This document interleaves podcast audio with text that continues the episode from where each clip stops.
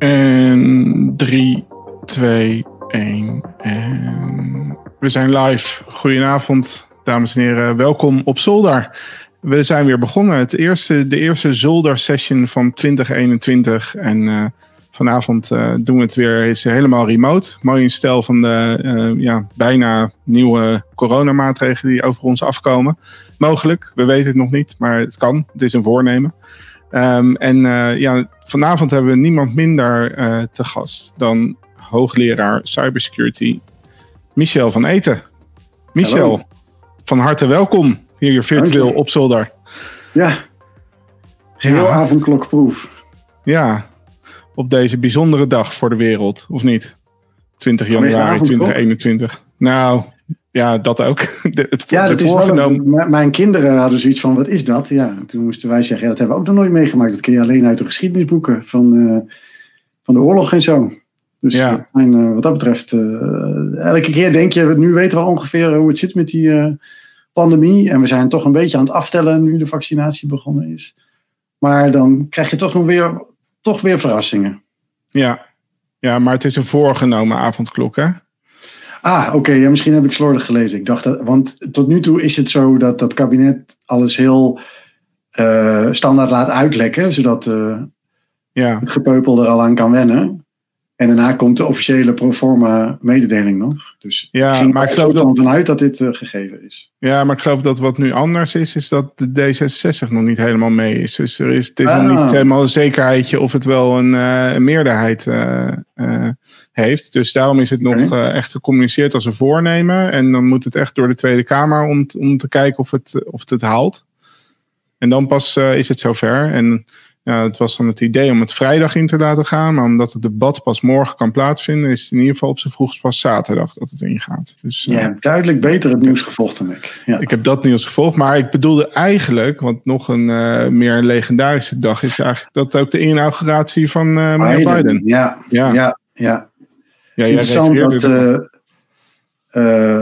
mijn jongste dochter is 11. Ik heb twee dochters, 11 en 15. En de jongste die heeft die Amerikaanse presidentsverkiezingen echt heel nauw gevolgd. Dat is natuurlijk ook heel vreemd, dat je op je elfde enorm geïnteresseerd bent in de presidentsverkiezingen in een land waar je verder nooit geweest bent. En voor wie was en Voor Biden, uiteraard. Ja. dat zal ik echt wat uit te leggen. Ja. Um, nee, maar goed, in Nederland, zeker met de nieuwsmedia, uh, uh, hier is het bijna onmogelijk om pro-Trump uit te komen. Dan moet je heel erg je best doen en in bepaalde bubbels uh, gaan zitten om, dat, uh, om daarvoor munitie te vinden en medestanders. Ik heb wel een keer in een taxi gezeten met iemand die uh, mij ging uitleggen dat Trump een uitstekende president was. Um, maar uh, wat ik zo fascinerend vond, is dat daar, dat, was een, dat was bijna een soort essentiële strijd om de wereld. En zij heeft dus ook op de verkiezingsdag, uh, wat was het, 6 november of zo, ik weet het niet meer, 3 november, heeft ze de hele dag, Google had een soort speciale pagina aangemaakt waar je de alle staten kon volgen. En die heeft de hele dag zitten F5 om te zien of er alweer een staat uh, voor Biden uh, was uh, uitgeroepen. En ja. nu dus ook, wilde ze heel graag het jeugdjournaal zien om de inauguratie ja, beelden te zien. Nou, leuk. Leuk die betrokkenheid. Ja. Dat is in die zin dan wel weer goed, denk ik. Of vind je het altijd... Of is echt iets, er staat echt iets op het spel. Dat is natuurlijk voor ons ook zo. De politiek, ik bedoel, ja, ik ben waarschijnlijk ouder dan jij. Dus ik heb nog ja. een hele periode in de jaren negentig meegemaakt dat politiek als belangrijkste eigenschap had dat het saai was. En ja. daar kun je ook wel naar terug verlangen. Het was heel technocratisch bestuur. Als je zag wat de grote splijtswammen waren in de verkiezingen, dan gaat het één die me te binnen schiet, want daar was toen heel veel over te doen. Het reiskostenforfait. Nou, daar was een hoop over te doen, kan ik je vertellen. Dat, daar gingen de verkiezingen over. En dat is nu onbegrijpelijk. Ja. Uh, en voor een deel kun je daar nostalgisch naar terugkijken. Toen, toen uh, had je niet die polarisatie, had je niet de, de, ja, de, de, de verbluffende alternatieve werkelijkheidsbelevingen die we nu om ons heen zien. Ja. tegelijkertijd, betrokkenheid is nooit hoger geweest dan nu. Nee. Nee, ja.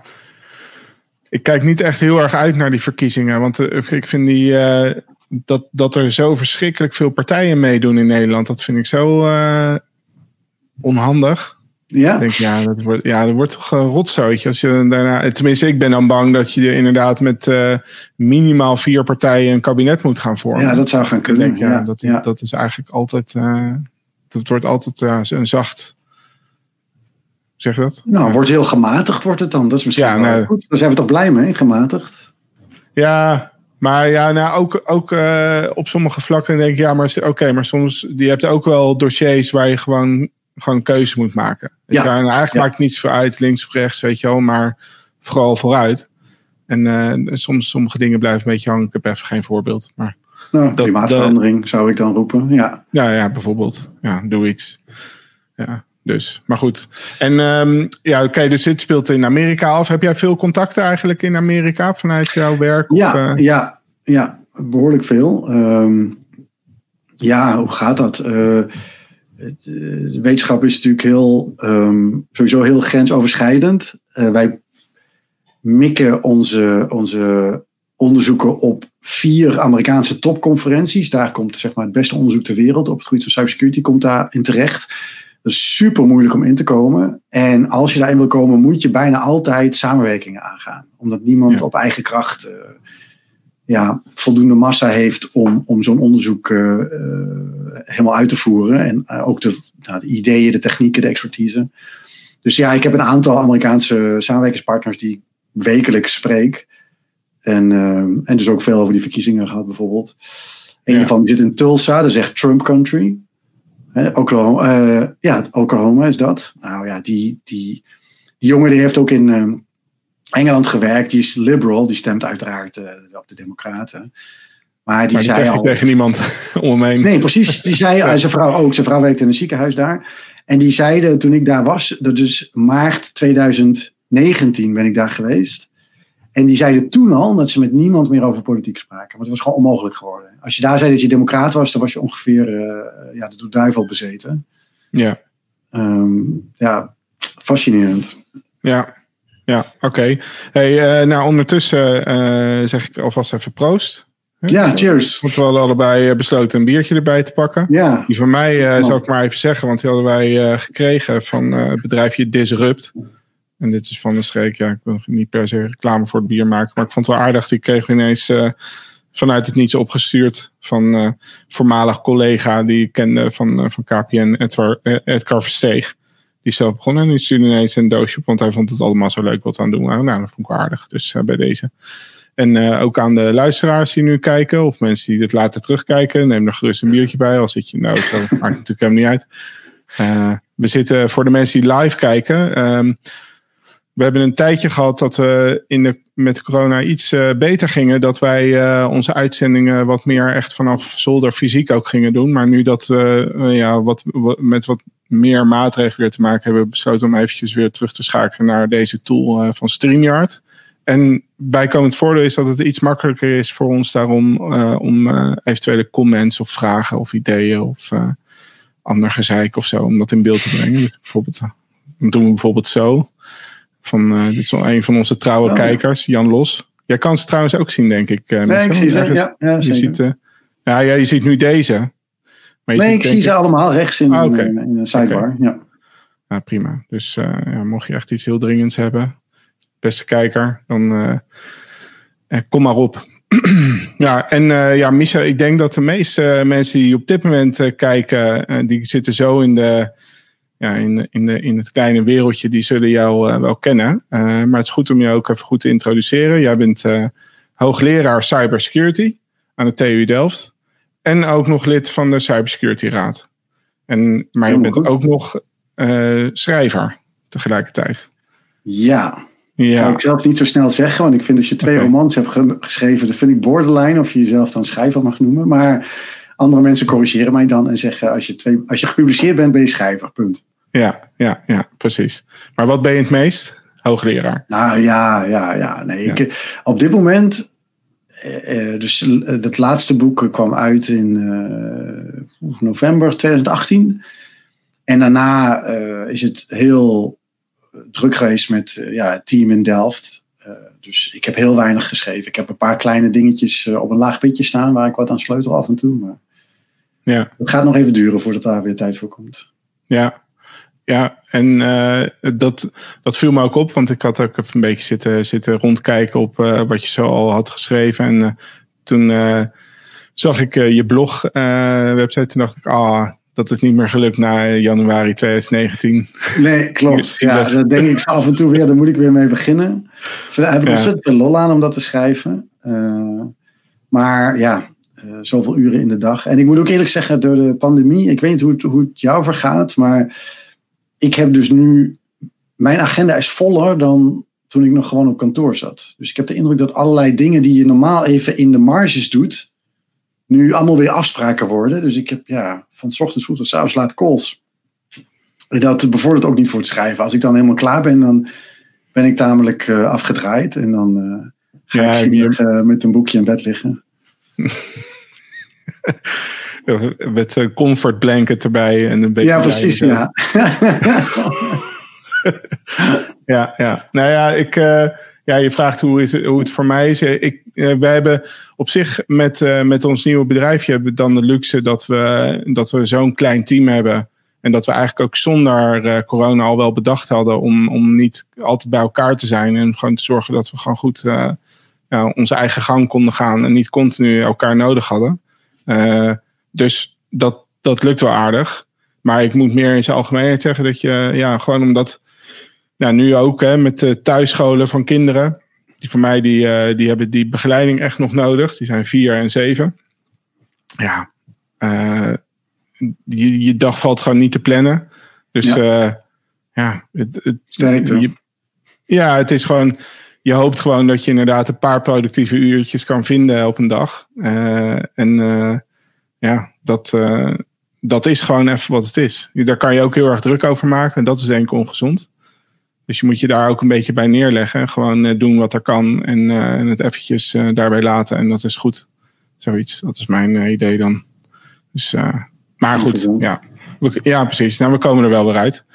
En um, ja, oké, okay, dus jij bent voornamelijk hoogleraar. En dat, dat, is het wat is er dan veranderd sinds januari 2009? Want voor die tijd, volgens mij was je eerste blog was al, al in 2004 of zo. Dus je bent wel ja, ik ben heel 15 jaar lang heel druk aan bloggen geweest. En toen ineens niet meer. Ah, niet, niet, nou ja, eh, er zijn stukken geschreven in de loop van 15 jaar. Maar de eerste jaren, ik weet eerlijk gezegd niet meer precies hoeveel jaren. Ik denk de eerste zes of zo jaren schreef ik bijna elke dag. Uh, ik had toen, uh, toen ik begon, was, nou, begon bloggen net. Uh, begonnen net zeg maar standaard tools voor te komen. Daarvoor had je mensen die gewoon zelf HTML liepen te kloppen om elke dag een stukje uh, op hun uh, website te zetten. En daarna kreeg je Blogger, wat door Google werd gekocht. En ik geloof WordPress kwam ook in die tijd. Blogspot had, had, je ook nog? Blogspot? Ja, Blogspot bedoel ik. Ja, ja. ja.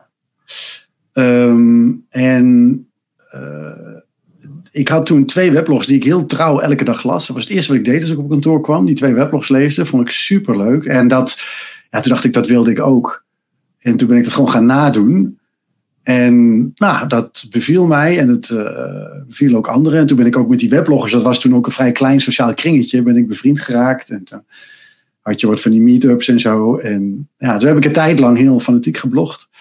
Uh, totdat ik uh, een gezin, uh, dus getrouwd uh, trouwde en een gezin kreeg. En dan, nou, A, heb je veel minder tijd. En B, vallen heel veel onderwerpen ineens toch onder een soort privacy-overwegingen. Hmm. Daarvoor komen dat niet zoveel schelen. Ah, ja. dus, en dat, dat, ja, dat remt ook. Er zijn nu ook best wel veel dingen. Als ik daar gewoon over zou schrijven, zou ik elke dag van een stukje kunnen maken. Maar dat zijn nu, ja, het is gewoon de sfeer van andere, uh, de privésfeer van andere mensen, daar wil ik niet intreden. Ja, ja. En vandaar dat het fictie is, wat je ook als je meer in boekvorm schrijft, dat het ja, uh, ja, zogenaamd fictie is, uh, zeg maar. Ja. ja, dat schept net een plausible deniability. Ja, ja, ja precies. Nou ja, ik snap het. Oké. Ja, en weet je nog waar je eerste blog over ging? Allereerste? Oef, nee, geen idee. Ik vermoed iets van Hallo Wereld oh, de Borg? Nee, dat is niet de allereerste. ik oh, heb op een gegeven moment een soort grote schoonmaak gehouden. Ja, ja, oké. Omdat er stonden allemaal hele persoonlijke dingen in. En, oh, op een gegeven moment. Want ik deed het ook anoniem. Ik deed het onder een pseudoniem. een gegeven moment ben ik het onder mijn eigen naam gaan doen. En toen dacht ik, nou moet ik wel even in het archief gaan opschonen. Want dat wordt een beetje, dat gaat dan met mijn professionele leven een beetje raar door elkaar lopen. Ja. Oké, dus de Borg is de, is de oudste. Ja, de eerste, ja, op jouw uh, website bijzinnen.com is dat de eerste die, daar, uh, die erop staat. De, bo ja. de Borg. Ja, ja. De, meneer, de meneer van het ministerie. Ja, dat weet ik nog wel, ja. Ja. Ja. ja. Dat, is, ja, dat ik vond het wel een leuk verhaal. En uh, ik, dat, uh, die had ik dus gelezen vlak voordat ik jou ging bellen om dit gesprek voor te, voor te bereiden. Toen dacht ik, ik moet, niet uh, al te lange intro uh, maken, want anders dan maak ik dezelfde fout als die meneer uh, deed. Want die was volgens mij een end in de ruimte aan het. Oké, okay. dat stukje weet ik niet meer. Okay. Nou goed, ja, en de laatste die erop staat is over je fiets. Over een fiets. Ja. Dat was ja, ja, ja. ja, ik had voor oh, ja, dat je, dat een je, fiets gekocht, ja. En, en heb je hem nog steeds? Zeker. Ik ben nog afgelopen dag een beetje dubieus qua coronaregels misschien. Uh, ben ik op de Veluwe gaan fietsen. Ja. Um, ja, waarom? Dat mag toch wel? Ja, maar ja, je moet. Wij, nou ja, we gingen, een vriend kwam mij ophalen. We zaten keurig met mondkapjes in de auto. Fietsen achter op zijn rek. En we zaten nog, ik geloof, twee minuten op de snelweg. En dan stond er een groot bord van Rijkswaterstaat: blijf thuis. ja. dus ik dacht, we doen iets niet goed hier. Ja. Uh, maar inderdaad, ja, ik heb super veel plezier op die fiets. Het was een obscene bedrag voor mijn gevoel. Ik heb 2100 euro voor die fiets betaald. Nou, dat vind ik absurd. Toen. Nu denk Ja. ik, ik had best nog 2000 euro voor een echte mooie Santos of zo uit willen geven. Of, een, uh, of zo'n Koga World Traveler. Ik, ik zit elke dag op dat ding. Ik vind het zo'n geweldig mooi stuk engineering. Ja. Ja, wat, uh, wat is het een racefiets of is het een. Uh, nee, het is zo'n, zo'n, zeg maar, zo'n tracking uh, fiets waar je, waar je die vol met tossen, tassen kan hangen en op vakantie kan gaan. Wat we afgelopen zomer ook met het gezin gedaan hebben. Echt superleuk. En dan heb ik een. Ja, dit wil niemand weten hoor, als je naar een cybersecurity podcast komt, maar jij vraagt erom. Nou, Ja. um, we hebben en dan een Gates dr- drijfriem, dus geen ketting, maar zo'n zo'n uh, drijfriem. En een Roloff naversnelling. Nou, dat is de. Als je dan fietsenliefhebbers hebt, oh, een Roloff. Ja, dan heb je wel echt wat moois. Oké. Ja, ja. en uh, het super is dus, die, ja, het was natuurlijk heel sneeuw. Ja, er lag nog allemaal sneeuw op de Veluwe en, en modder en zo. En mijn vriend heeft een, uh, gewoon een derailleur en een ketting. Nou, dat ding schakelde uh, na een uur of twee vroeg geen meter meer. Want je zit vol met, met, met gruis. En ja, die naversnelling en die drijfriem, daar kun je, die kun je uh, een beetje on, ongeveer onder water mee fietsen en Ja. bluppen. Maar, eh, precies, dus Ja. nu, de, dan komt toch eh, jouw liefde voor techniek al een klein beetje boven de rij. Ja, ja. ja ik, ben ook een, een, een, ik ben ook een gesneuvelde techneut. Ik ben ooit Oh. natuurkunde gaan studeren. Ja, dat, Ja. Ik ging heel erg nat op de wiskunde. En uh, toen heeft mij iemand daar een verstand gebeuteld. Na, in het tweede jaar gaan we tensorrekening doen voor de kwantummechanica. Toen dacht ik, oké, okay, dit wordt hem niet. dus toen ben ik uh, maar, maar eens wat anders gaan verzinnen. Wegwezen. Uh, maar dus de, ja, dat, ik had altijd een beta-oriëntatie. ja. ja. En, en zelf in Delft ook gestudeerd? Nee, nee, ik heb in Leiden bestuurskunde gedaan. Aha. Ja, en toen ben ik wel in Delft gaan promoveren. De afstudeerhoogleraar waar ik toen uh, mijn scriptie bij schreef, Ernst Heuvelhof, die was net hoogleraar in Delft geworden. Bij een nieuwe faculteit toen nog, techniek, bestuur. Ja, toen heette die technische bestuurskunde. Een soort mix van bestuurskunde en, en allemaal engineering uh, vakken. Die studenten daar kregen. En die haalden mij daar naartoe. En toen ben ik daar gaan promoveren en ik ben nooit meer weggegaan. Nee. Ik zit er nu nog. Ja. Maar, is een soort vooroorlogs is... carrière. En is dat het onderzoek geweest uh, waar jouw rapport te literair werd bevonden? Dat ja, dat was mijn proefschrift, ja. ja. Ja. En ben je daar trots op of uh, is dat, was het ja, echt wel wel ja, ja, nee, dat, uh, kijk, ik was er gewoon op gepromoveerd, dus ik had er verder geen last van. Maar toen vertelde later iemand mij, er is uh, bij de TU zijn er voor nieuwe, voor mensen die, die gaan promoveren, dan kun je, daar is een soort cursusaanbod en een daarvan is academisch schrijven. En er kwam iemand naar mij toe die zei: Ja, ik was vandaag bij de cursus Academisch Schrijven. En daar werd jouw proefschrift in de lucht gehouden. Als voorbeeld hoe het niet moet. Want okay. het was te literair. Ja. Nou, toen dacht ik: Nou, mooi, die pik ik toch nog even mee. Ja, ja. ja. ja je wordt, dan word je genoemd. Dat is goed. Oké, okay, maar dus je bent gepromoveerd met dat onderzoek. Maar het was wel te literair. Dus het was een soort, vond, uh, vond die docent, die heeft dus blijkbaar. Ja ja, bepaalde opvattingen over hoe, hoe wetenschap geschreven moet worden. Maar de commissie die mijn proefschrift afzegende had er blijkbaar geen last van. Nee, nee, oké. oké. En eh, Maar uh, ben was je, als je er zelf op terugkijkt, kan je, kan je het er uh, mee eens zijn? Of zou je het op die manier beoordeel je zelf als proefschriften dat je denkt, nou, wat is dit nou voor, uh, voor literair stuk? Nee, dat probleem heb ik nog nooit gehad. Nee, nee dat het een kan niet voorstellen. Nee, nee, nee. Nee, je probeert toch uiteindelijk nieuwsgierigheid op te roepen en, en te bevredigen door, door met een onderzoek daar uh, over een bepaalde vraag iets te weten te komen. En het belangrijkste uitdaging voor, voor proefschriften is dat ze die nieuwsgierigheid te weinig oproepen. Dus dat je eigenlijk denkt dat iemand heeft keurig alles gedaan wat uh, de bedoeling is. Maar de vraag die beantwoord wordt, is ja. of niet belangrijk of is banaal of is triviaal. Dat je denkt, ja, huh, huh, dat had ik je ook kunnen vertellen. Uh, dus de heel, er zit heel veel puzzelwerk in wetenschap om niet alleen iets. Kijk, het is helemaal niet moeilijk om de waarheid te vertellen. De zon gaat op elke dag. Nou, oké. Ja. Toch kun je dat niet publiceren als je dat opschrijft, ondanks dat het de waarheid is. Want het is niks nieuws. Dus je moet altijd iets geks doen, of iets, een ingewikkelde puzzel, dat je iets moet verzinnen wat nog niemand heeft beweerd. Maar je moet het wel kunnen aantonen. Ja.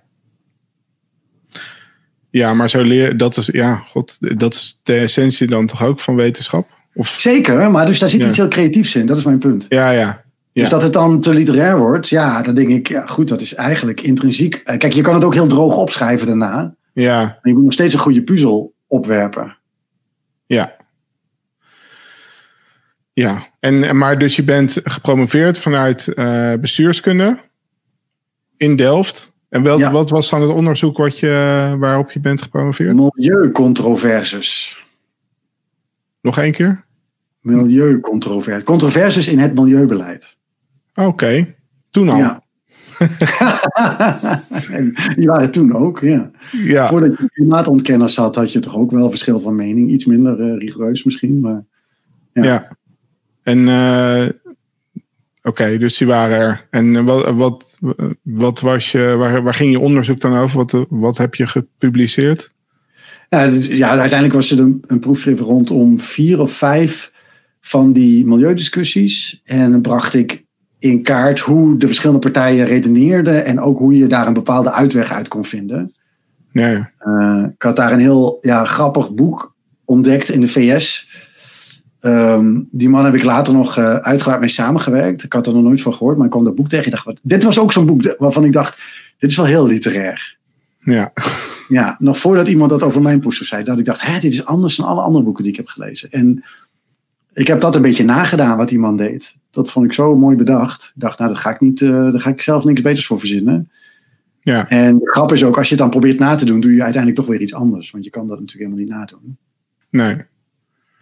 Oké, okay, dus dan ben je gepromoveerd uh, op het gebied van milieu en uh, bestuurskunde. En dan ineens, dan een hele hoop stappen verder, ben je hoogleraar cybersecurity. Dus ja. je, ik heb je wel eens ergens Waar is het misgegaan? Ja, Nou ja, misgegaan. Uh, dat zou ik niet willen zeggen. Maar je hebt ook wel ergens al een keer uitgelegd van ja, dat is niet heel erg bedacht of zo. Dat is een beetje nee. langzamerhand ontstaan, toch? Dat, ja, klopt. Ja.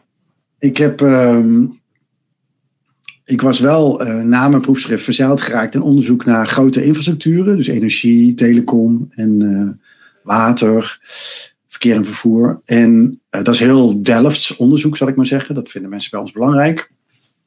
En ik zat altijd te kijken naar het internet. En dat past het voor geen meter in een soort theoretische modellen waarmee die andere infrastructuren beschreven werden. Internet was chaotisch, het was heel gefragmenteerd. Allemaal, iedereen had een stukje internet in handen. Er werd van alles aan elkaar geknoopt zonder een centraal ontwerp. Um, en ik dacht altijd, daar wil ik iets mee. En dat was een interesse die ik eigenlijk al heel lang had. Want zelfs uh, toen ik bestuurskunde deed, was mijn favoriete werkontduiking was Slashdot lezen. Uh, Zo'n zo'n uh, nerd weblog. ja. Het bestaat ongetwijfeld nog steeds. Maar ja, toen mij was het heel groot, volgens mij. Um, dus dat, als ik even geen zin had om iets nuttigs te doen, dan ging ik dat lezen. Dus ik had wel heel veel soort van IT-dingen geïnternaliseerd, uh, opge, geabsorbeerd. Ik heb zelfs, bedenk ik me nu, uh, ooit nog overwogen om informatica te gaan studeren. Toen kwam ik op de open dag bij de TU Eindhoven. En toen zei, stond daar een man voor de, voor de zaal van allemaal ja, 17 en 18-jarige scholieren. En die zei, de eerste, ik wil één ding duidelijk maken, zei die man. De eerste twee jaar raak je geen computer aan. was alleen maar wiskunde. Toen dacht ik, oké, dat wordt hem niet. Uh, dus toen ben ik natuurkunde gaan doen. Dat liep ook niet goed af, heb ik je net verteld. Uh, ja, dat verdomde ja, wiskunde wat er dan... Uh, de ja, precies. Ja, ja, ja, ja, dat is echt een Achilleshiel. en, um, maar dus langzamerhand, nadat ik die andere infrastructuren daarmee bezig was geweest... toen deed ik regelmatig een soort opdrachten voor het ministerie van Economische Zaken. Die dan probeerden na te denken over security en, en, en betrouwbaarheid van die infrastructuren. Kwam op een gegeven moment ook, ja, zij moesten ook iets met internet. En toen dacht ik, oh, sorry. Ja. Hartstikke Gezondheid. In je elleboog, hè, Michel? In je elleboog. Oh, goed punt. Ja, net op tijd. ja, gezondheid. Één keer wordt, wordt mooi weer. Ja. Uh, en nou ja, toen, toen wilde zij heel graag ook een ja, manier om daar over internetveiligheid na te denken als probleem. En tot dan toe was het overheidsbeleid heel erg laissez-faire geweest. Hands-off, zelfregulering. Alleen maar een beetje stimuleren. Geld in surfnet pompen. Af en toe zo'n nota schrijven over elektronische snelwegen. Want dat begrepen ze wel in Den Haag met opritten en afritten en congestie en zo. uh, dus daar, dat, daar, daar konden ze wel wat mee. Maar dat was allemaal heel soort van stimulerend. En toen dachten ze, ja, maar het wordt nu, nu toch wel serieus met al die security problemen. Botnets, uh, phishing, spam hebben we toch wel echt veel last van. Uh, ja, maar hoe moeten we daar überhaupt als overheid over nadenken? Dus toen ging ik daar uh, een stuk over schrijven. En toen kon ik eigenlijk ineens, nou ja, 15 jaar werkontduiking kon ik wit, witwassen. Want al die, die soort van die, die, die interesse in IT uh, kon ik te gelden maken. En toen ben ik met een Amerikaanse econoom gaan samenwerken aan dat onderzoek. En dat werd uiteindelijk een rapport van de OESO, een soort intergouvernementele organisatie op uh, economisch beleid. En toen hadden we tot mijn stomme verbazing iets gedaan wat nog niemand gedaan had. Dat was echt toeval. Uh, uh, misschien ook gewoon omdat het veld heel jong was. We hebben het nu over 2007, 2008. Er waren helemaal niet zoveel aan de, in de wetenschap niet zo heel veel mensen met cybersecurity bezig. Nee. je had wat cryptografen.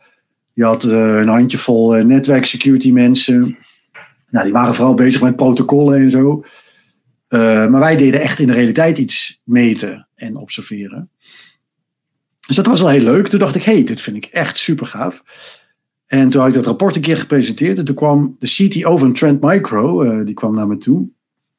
En die zei, wil jij 12 terabyte spamdata hebben?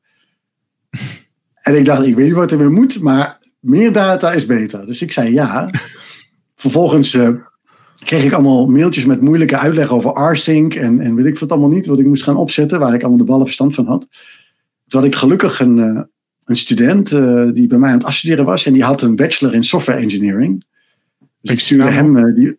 Sorry? Ja, zeker weet ik zijn naam nog. Hadi Askari was dat.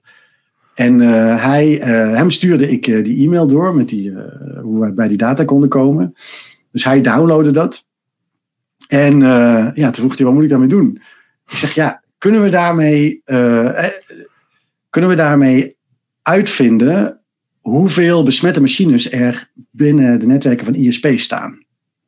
Want dat, toen was, waren botnets de belangrijkste bron van uh, spam. Misschien nog steeds wel, ik hou het niet meer zo bij, het spam gebeuren.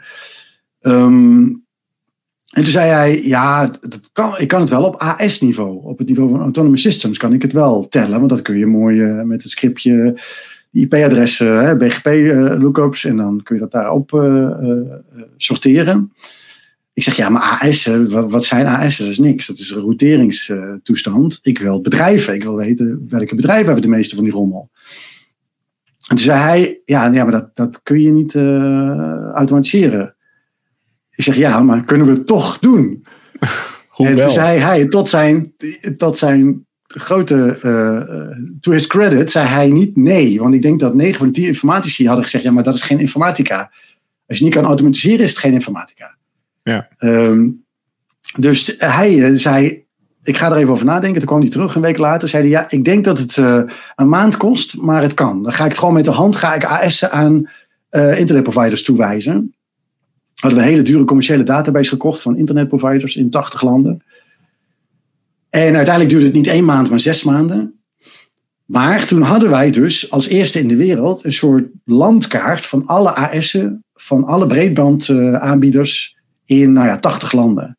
Ja. En dan konden we die spamdata erin gooien. En toen konden we zien, hey, deze provider heeft 20 of 50 of 100 keer meer besmette machines dan die provider. Ook al hebben ze evenveel klanten.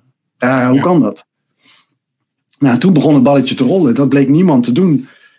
En toen kwam het ene project naar het andere project. En eh, nou ja, inmiddels zit ik nu met eh, kleine 25 mensen eh, in Delft dit onderzoek te doen. Dit onderzoek te doen. Nou ja, nu heb je één voorbeeld. Hè, dus we hebben nu Ja, precies. op allerlei terreinen onderzoek. Maar het is wel altijd onderzoek wat een soort combinatie is van informatica technieken, va- vaak om data te verzamelen en data te interpreteren, met eigenlijk sociaal-wetenschappelijke vragen over Ja. eh, eh, gebruikers of over bedrijven of over overheden. Eh, en die twee dingen koppelen we dan aan elkaar. En dat is vaak heel puzzelwerk om het aan elkaar te koppelen. Dat is ook waarom het in de informatica niet gedaan werd. Die vonden het veel te rommelig probleem, daar is geen zin in. En wij zijn niet vies van een beetje met de hand eh, dingen aan elkaar plakken. Eh, ja, dan kun je dus dingen doen die, die nieuw zijn. Dus dat is superleuk. Ja. Ja. En dan werken er 50 mensen eh, in Ja, ja, de meeste zijn, zijn promovendi. dus mensen die een vier jaar lang een proefschrift gaan maken. Een paar postdocs en drie ehm, eh, universitaire docenten. Oké. Dus En, zijn vaste medewerkers. Ja, ja. Ah, precies. En zitten daar veel internationale van de studenten? Zijn er ook veel internationaal? Nou, eh, bijna alleen maar. Er zit heel Oh weinig Nederlands tussen. Ja. Eh, hoe komt dat? Ehm, nou ja, als wij eh, vacatures adverteren, komen er bijna geen Nederlanders op af. Dat Hmm. is het korte antwoord. En ik vermoed omdat de private sector te aantrekkelijk is. En dat veel Ja. mensen hebben ook een heel raar beeld van promoveren. Die denken, dan moet ik vier jaar in een stoffig kamertje in mijn eentje naar een scherm gaan turen. Nou, dat, dat is helemaal niet zo. Wij, wij, al onze projecten zijn samen met bedrijven en met overheden. Fox IT, AIVD, ehm, Justitie, Veiligheid, NCC, eh, nou, verzin het allemaal maar. eh, Secura, eh, ziekenhuizen, gemeentes, van alles en nog wat. Dus het staat heel erg in de praktijk. Eh, maar dat is niet het beeld wat mensen hebben van promoveren. Dus sowieso is er al een hele kleine groep mensen die wil promoveren. En daarbinnen, eh, ja, eh, is de, die. ik was natuurlijk ook niemand in de informatica, want ik ben niet eens een informaticus. Dus het was voor mij heel moeilijk om, om in beeld te komen bij Nederlandse afgestudeerde ja. informatie. Dus wat gebeurt er dan? Nou, dan gaan Iraniërs en ehm dat heb ik allemaal Pool, Pools, Spaans, Braziliaans, eh, Pakistaans. Nou, vergeet nog vast iets. Eh, die heb ik allemaal in een team gehad. En ja, supergoeie mensen. Want voor hen is Ja. het echt een opportunity om naar Delft te komen en dan eh, te promoveren. Krijgen ze nog betaald ook. Dat vonden ze al heel onbegrijpelijk. dat dat een Ja. baan is. Ehm, dus nee, het is heel internationaal. En hoe, hoe lang werk je al op die manier? Hoeveel jaar hebben we het dan over? Dat je... Eh, ik denk nu zo'n eh, twaalf jaar of zo. Ja. Ja. Ja. Dan moet je inmiddels ook wel eh, gevonden worden, zeg maar, internationaal. Ja, nee, nu staan we op de kaart. De eerste paar Ja. jaar was het lastig. En zodra je in die vier topconferenties in de in cybersecurity onderzoek. Welke zijn dat? Usenix, Usenix Security. ehm eh, IEEE Security and Privacy.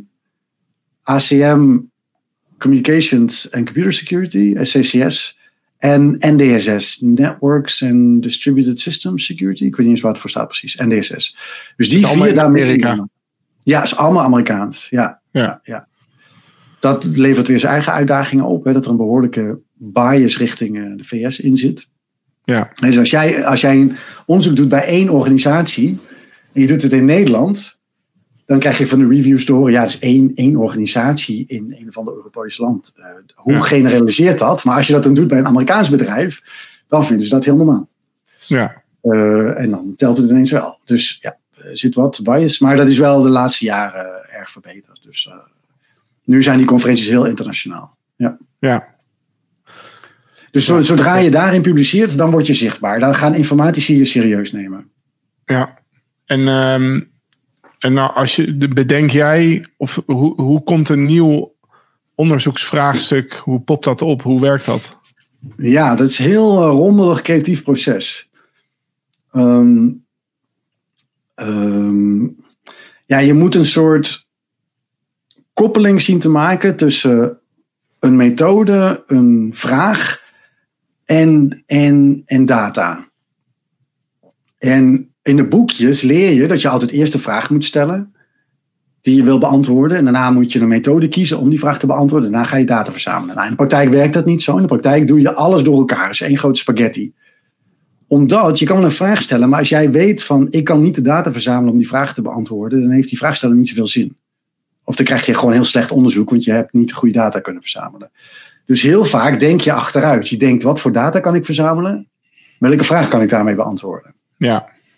En nou, dat is een heel soort van puzzelwerk, want het moet ook een relevante vraag zijn.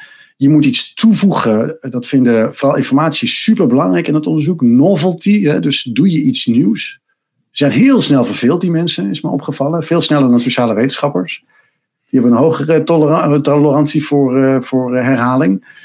Uh, maar die ingenieurs denken, ja, dat heb ik al gezien. Uh, doe maar wat anders. Ja. dus ja, daar in die, in, die, in die soep zit je dan met een paar mensen om een tafel en een whiteboard. En dan ben je gewoon aan het sleutelen. En dan komt er een half bakken idee uit wat niet blijkt te werken. Maar een deeltje ervan levert iets anders op dan je had verwacht. En de week daarna ga je daar weer aan puzzelen. En op een gegeven moment heb je iets wat ongeveer uh, ja, uh, uitvoerbaar is. En uh, maak je daar een onderzoek van. En daarna probeer je het netjes op te schrijven. Ja, en, en op welk moment komt er dan iemand die op dat onderzoek gaat promoveren? Is die allemaal vanaf het begin af aan betrokken? Of is er op een gegeven moment. Ja, ja, ja zeker. Nee, die, want die doet het werk. Ja, ik, ik, zet daar heel leuk te orakelen aan zo'n tafel. Ik vind dat geweldig. Dat vind ik het leukste deel van mijn werk. Weet je, gewoon uit de losse pols ideeën aan elkaar uh, uh, verzinnen. En van wat ik verzin is 90% echt totaal onbruikbaar. En zo, er zit zo'n arme PhD. Nou, sommige PhD's schrijven dan niks op. Die zitten er een tijdje aan te kijken en dan gaan ze weg. En weet ik nooit wat daarna gebeurt. Soms heb ik dan de week daarna weer dezelfde, hetzelfde gesprek. En anderen zitten als bezetenen te schrijven. Ehm, maar uiteindelijk ja, ontstaat daar een dialoog. En, en uh, die mensen moeten het echt doen. Dus ik kan wel van alles verzinnen. Maar zij moeten het kunnen uitvoeren. Zij moeten het zelf, zich eigen maken. En uiteindelijk wordt het ook echt van hen. Ik bedoel, wij geven feedback als begeleiders. Maar het is hun werk. Ja. En, en, en dan plak je een paar van die publicaties aan elkaar. En dan promoveer je. Ja, en, en de private partijen die, uh, die je noemde, die, die stappen in op. Uh, die ga je op een gegeven moment op zoek misschien naar een sponsor of iets dergelijks voor. Uh, ja, ja, dus ik, ik, ik, besteed heel veel tijd aan het bouwen van relaties met, met partijen in de industrie en bij de overheid. Um, dat is een beetje ook ja, het lot van als je zo'n groep hebt. Hè, je wordt steeds meer een soort manager in plaats van een onderzoeker. Mm -hmm. dus ik moet relaties opbouwen en ik moet geld ophalen. Ja. Want zo'n zo'n promo promovendus, ja, de universiteit heeft geen geld voor promovendi, hoe raar dat ook klinkt. Dus elke promovendus die wij hebben, die is gefinancierd door iemand buiten de universiteit. Dat kan een bedrijf zijn of dat kan de overheid zijn. Um, maar ergens komt dat geld vandaan. En, maar dat moet dus eerst opgehaald worden met een voorstel of met een idee of ja, met het, uh, het begrijpen dat iemand een bepaald probleem heeft waar, ik een oplossing voor kan uh, suggereren.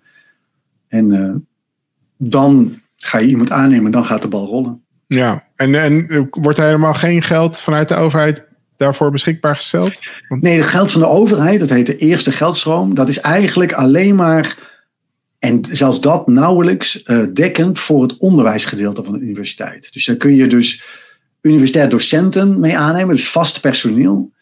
En die mensen zijn heel veel tijd bezig met gewoon uh, opleidingen uh, in de lucht te houden. Um, ook mooi werk, daar niet van. Maar daar heb je eigenlijk maar zeer beperkt tijd voor onderzoek. Dus het onderzoek, eigenlijk het primaire proces van de universiteit, is in handen van tijdelijk personeel. En het enige wat de vaste wetenschappers doen, is dat tijdelijke personeel aansturen. En het geld ophalen om ze op te kunnen aannemen. Ja. Maar ons primaire proces wordt uitgevoerd door mensen die ik maar vier jaar heb. Of soms maar twee jaar. En daarna moet ik weer overnieuw beginnen. Ja, ja. Ja, en dan is ook de vraag van, nou, stel je zou er geld in investeren, bij wijze van spreken publiek geld, van wat, is de, wat, wat levert het op voor de, Ja. voor de publieke zaak. BV Nederland. Ja. Ja, ja, nou goed, die vraag hebben we natuurlijk heel vaak eh, Ja. al gehad. Dat is ook een terechte vraag, hè, daar gaat belastinggeld eh, naartoe. Ehm, nou, laat ik het zo zeggen. De mensen die bij ons promoveren, die worden werkelijk weggerukt uit, eh uit de universiteitskantoortjes. Eén iemand eh, waar ik nu aan moet denken, een vrouw die bij mij promoveerde, die had geloof ik acht aanbiedingen van bedrijven en overheden. Dus eh, er is evident een vraag in de markt naar mensen die dit kunnen. Eh, En ook juist op het niveau van PhD's. hè. Dus je hebt het op het niveau van HBO, bachelor, master. Heb je op alle niveaus heb, hebben bedrijven eh, bepaalde behoeftes. Maar er, zijn, er is dus ook een behoefte aan PhD's. Mensen die je een volkomen ongestructureerd probleem eh, eh, in de schoot kan gooien. En denken, nou, ik weet het allemaal niet. Verzin maar wat. Ja. En die mensen kunnen dat. Want die hebben dat zelf al heel vaak moeten doen aan de universiteit. Dat niemand wist hoe iets moest en dat zij het gingen uitvogelen. ja, En dus daar is heel veel vraag naar. Dus op die manier heeft het opbrengst. Daarnaast heeft het onderzoek eh, af en toe eh, directe eh, opbrengsten. We doen onderzoeken. Bijvoorbeeld de afgelopen november is een rapport uitgekomen... wat we voor het ministerie van Justitie hebben Veiligheid hebben gemaakt... over de hosting van kinderporno in Nederland. Een soort overzicht gemaakt van bij welke bedrijven staat dat? Hoe lang staat het daar? Ehm, eh, hoe verandert het door de tijd? Wat is de relatie tussen die bedrijven en de domeinen waar het zich op bevindt? Ja, dat, zijn, dat is onderzoek waar dat ministerie rechtstreeks eh, mee aan de slag gaat. Eh, ja, Om die bedrijven aan te spreken, eh, om beleid te verzinnen. ja. Volgens mij was het, dit moet een beetje ook de, de baas hebben gegeven voor dat artikel in New Yorker. Had jij wat commentaar bij gegeven ging over bulletproof hosting.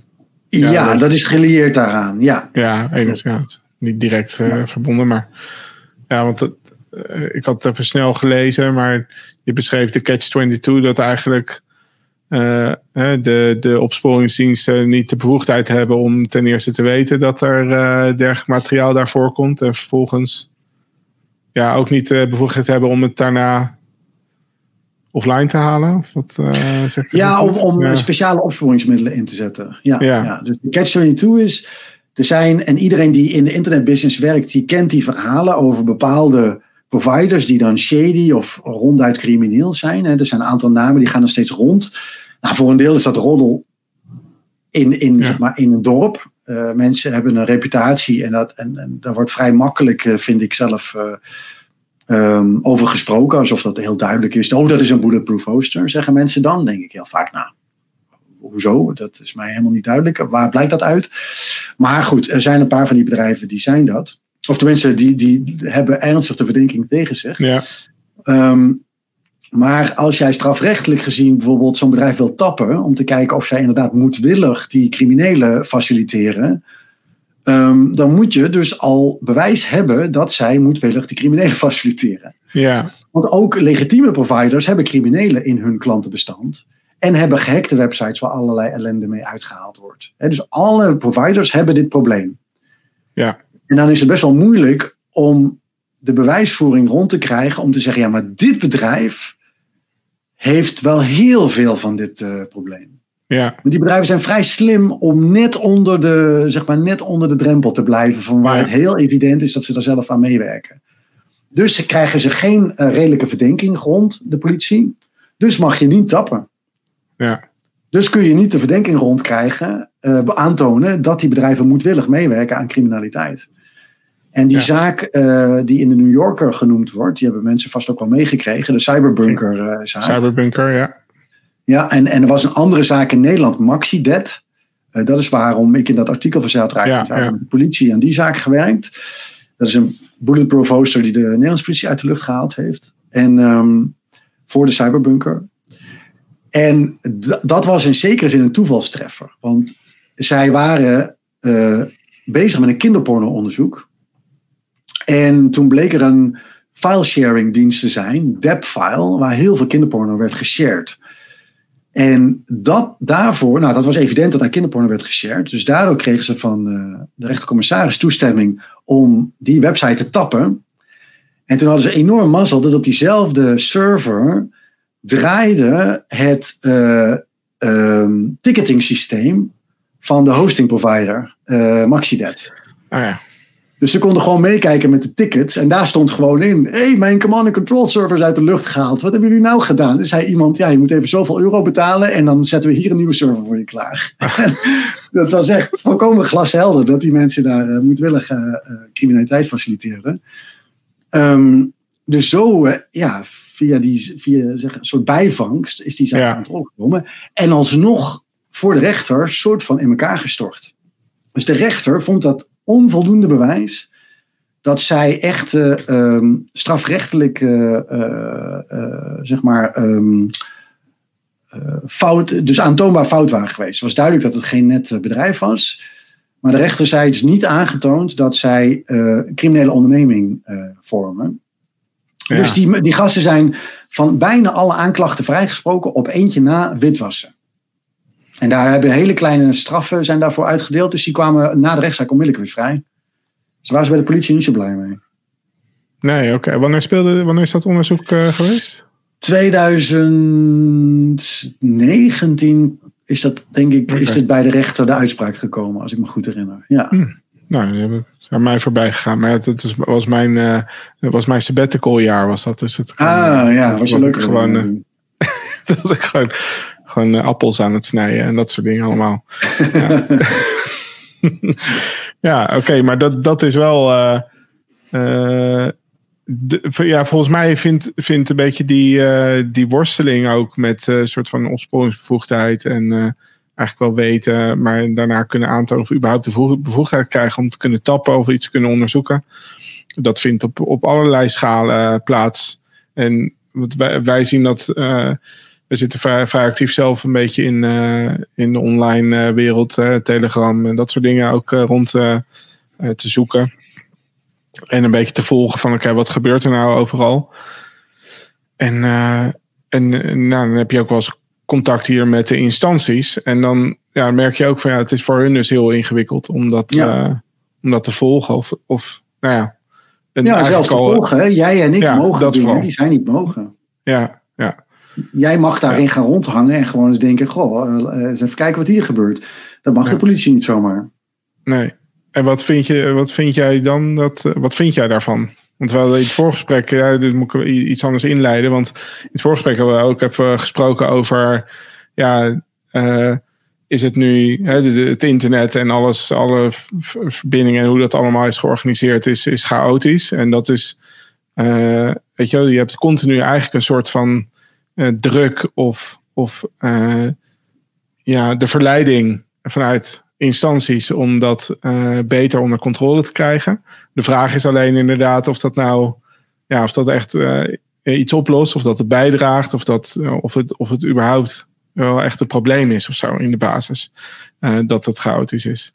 Dus dit, dit heeft er ook wel een beetje mee te maken, denk ik dan. Weet ja, je wel? Dus, ja, ja, ja. Um,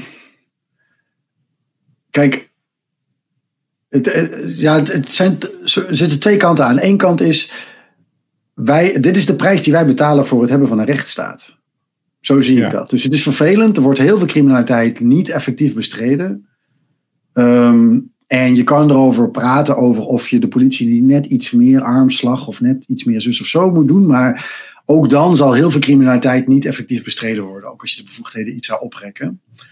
Um, en dat is, dat is de prijs die wij betalen voor het hebben van de rechtsstaat. Dat betekent dat jij en ik vrij zorgeloos ons leven kunnen leiden zonder ons uh, bang te hoeven maken dat uh, ineens een of andere rare verdenking tegen ons wordt geuit omdat wij iets vreemds hebben gezegd. Hè? Als je in Rusland uh, woont, dan heb je een heel ander leven wat dat betreft. Dus ik zie dat als, een, als, een, als de prijs die we daarvoor betalen. En nou, dat is het mij waard, want ik denk ook alle, alle, alle zorgen die we hebben over internetcriminaliteit criminaliteit en alle alarmerende berichten die daarover langskomen. Met dat het allemaal weer stijgt. Alles stijgt de hele tijd. Hè? Het, is, uh, het is wonderbaarlijk. Het blijft maar stijgen. En toch vergaat ja. de wereld niet. Um, uh, blijkt een hele, hele, hoe zeg je dat? Hele hanteerbare situatie. Hele tolerabele situatie te zijn. Wij kunnen een samenleving draaien met heel veel misbruik van uh, IT. Ja. Dat kan. Af en toe komt er een dreiging waarvan we denken, oeh, maar deze keer gaat het mis. En dus tien ja. jaar geleden was het de botnets. Nou, die gingen toch wel, dat was toch wel even op een hele andere schaal. Dat hadden we nog nooit gezien. Nu gaan er echt dingen stuk. Maar wat blijkt, allemaal partijen beginnen kleine aanpassingen te maken, beginnen te duwen en te trekken. En wie heeft het nu nog over botnet? Ze zijn er nog steeds, maar het is een soort achtergrondruis geworden. Net als spam heeft ook niemand het meer over. Dat was ook ooit een serieus probleem. En, het, en nu hebben we dan bijvoorbeeld uh, fake news. Hè. Daar zit ook een duidelijke uh, infrastructuur, IT-infrastructuurkant aan. En nou ja, de zorgen zijn terecht. Hè. We, hebben, we zien nu om ons heen dagelijks wat de gevolgen zijn van hoe die technologie uh, nu mensen, ja, het realiteitsbeeld van mensen beïnvloedt. Om maar eens wat ja. Dat is heel serieus. En ook daarvan denk ik, ja, misschien is het deze keer echt anders. En gaat er echt nu heel erg iets mis? Of dit is weer zo'n typisch aanpassingsproces. We gaan nu een paar jaar lang duwen en trekken. En dan wordt ook dat weer een soort tolerabel probleem. Ja. Waar we als samenleving mee verder kunnen. Dus hebben we het niet opgelost, maar we, we houden het klein genoeg om, uh, om, om er niet van uh, ontwricht te raken. Net zo goed als we ook niet ontwricht raken door inbraken. Is ontzettend kloot als het je overkomt. Ja. Er goed ziek van zijn. Maar verder ben je verzekerd. En de kans dat het gebeurt is relatief klein. Dus je hoeft niet elke week rekening te houden met een inbraak. Ja, maar is dan, uh, is dan een beetje jouw, uh, jouw idee om bij dit soort nieuwe ontwikkelingen om, om te denken van laten we even afwachten hoe het, hoe loopt voordat we te veel al gelijk in, re in reactie uh, gaan? Ja, ja dat, is, dat zeg je terecht. Uh, dus ik, ik heb vaak een soort wait-and-see uh, idee. Ja. Ook omdat de voorstellen die er, die er op tafel liggen, vaak zie ik heel veel nadelen aan. Hè? Dus je kan wel van alles gaan doen, maar dat maakt het niet beter. Ook met nu met het, met het nepnieuws en, en, en de polarisatie die door die platforms worden aangejaagd is niet helemaal duidelijk wat we daar nou aan moeten doen. Hè. We kunnen wel zeggen, um, uh, het is heel goed dat eindelijk Trump van Twitter is afgegooid en dat al die QAnon-profielen verwijderd zijn. Maar daarna krijg je een ander platform waar die mensen dan op gaan zitten. En dan heb je een nog grotere bubbel. dus dat is een nog afgeschermdere bubbel. Dan zitten ze met z'n allen op Parler. Denk je dan dat... Achter, dat is, achter Russische antidedos. Uh, uh, ja. dus en misschien is dat netto beter, omdat je dan in ieder geval minder aanzuigende werking hebt op het, vanuit het dominante platform. En dat Facebook mensen allemaal daar onbedoeld naartoe aan het uh, fuiken is. Dus het kan zijn dat we netto iets beter af zijn als die mensen in hun eigen ghetto zitten. Uh, maar dan heb, dat, is, dat weten we niet zeker. En het is ook niet helemaal duidelijk of dat echt uiteindelijk beter is voor, voor een democratie dat mensen die uh, uh, andere meningen hebben, dat die allemaal in hun eigen ghettootje gaan zitten. Ja. Dus we hebben vaak ook niet een hele duidelijke oplossing. En dan kun je beter, denk ik, uh, proberen ja, partijen zelf aanpassingen te laten zoeken. In plaats van met één grote bijl ergens in te gaan hakken. Ja. Ja, met als risico dan inderdaad dat, dat de machtspositie van de big tech uh, zo ontzettend uit de klauwen loopt. Tenminste, dat ja, is een beetje een D66-stokpaardje in ieder geval, waar dat nou ja, heel erg... Dat, dat die macht heel groot is, kunnen we met z'n allen observeren. Ook daar is de vraag, ja, wat moet je daar dan aan doen? He, dan komen mensen met uh, het idee, ja, je moet Facebook opknippen. Ja, oké, dan hebben we straks allemaal kleine Facebookjes. Wat hebben we dan precies opgelost? Um, is dan... He, dus ik heb het idee dat we daar nog zoekende zijn. En als je zoekende bent, moet je misschien niet al te ruige dingen doen. En je moet er ook van uitgaan dat allerlei mensen zich hier druk over maken en dingen aan doen zijn. Je bent niet alleen. De overheid is niet alleen. En jij als bezorgde burger ook niet. En dat is een beetje mijn les van die eerdere, uh, zeg maar, golven in de cybersecurity. Dat er, er gebeurt heel veel wat je niet goed ziet. Maar wat uiteindelijk optelt tot best wel een aardige manier om die problemen in het geheel te houden. Niet uit te roeien. ooit dachten we dat uh, de DDoS een heel erg ouderwets achterhaald probleem was. Nou, dat is ook een paar jaar soort van weg geweest. En toen, nu is het weer een aantal jaren onuitroeibaar aanwezig. dus geen enkel probleem op het internet verdwijnt ooit. Maar het wordt soort van tolerabel. We kunnen ermee voort. Meestal werkt het. Ja. Ja. Ja, meestal wel. Uh, ja, ik, weet je, eh, ik zat een, eh, een artikel nog te lezen van, uh, was in de Groene Amsterdammer. ja, dat ging inderdaad, ging, het gaat natuurlijk nu heel erg als het gaat over governance en, en dergelijke.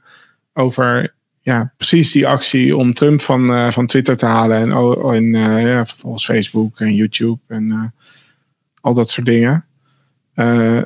Ja, het, de, het lijkt wel in ieder geval alsof, er, alsof we even een nieuwe een nieuwe fase instappen. Ja, wat ja, ja, nee, er zijn nieuwe evenwichten aan het ontstaan. Hè? Die bedrijven zeiden heel lang: dit kan niet. Wij kunnen niet, in, wij kunnen niet gedachtepolitie gaan spelen.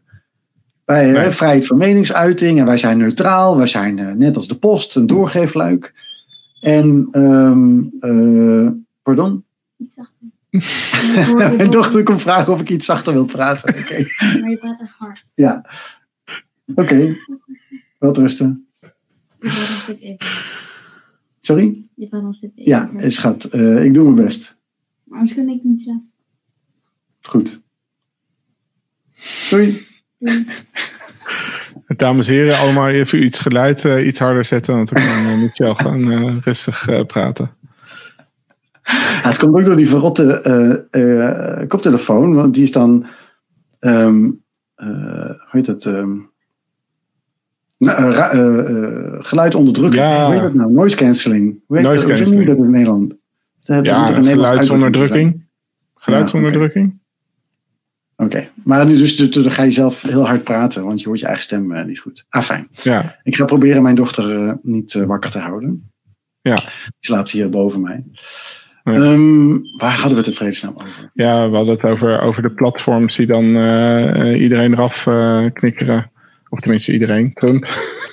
en dat, dat ze in een nieuw soort, dat we in een nieuwe fase terecht zijn gekomen. Ja, ja. Waar zij ja, in hun eigen rol natuurlijk ook ja, ze hebben heel lang hè, het verhaal opgehouden. Wij zijn neutraal.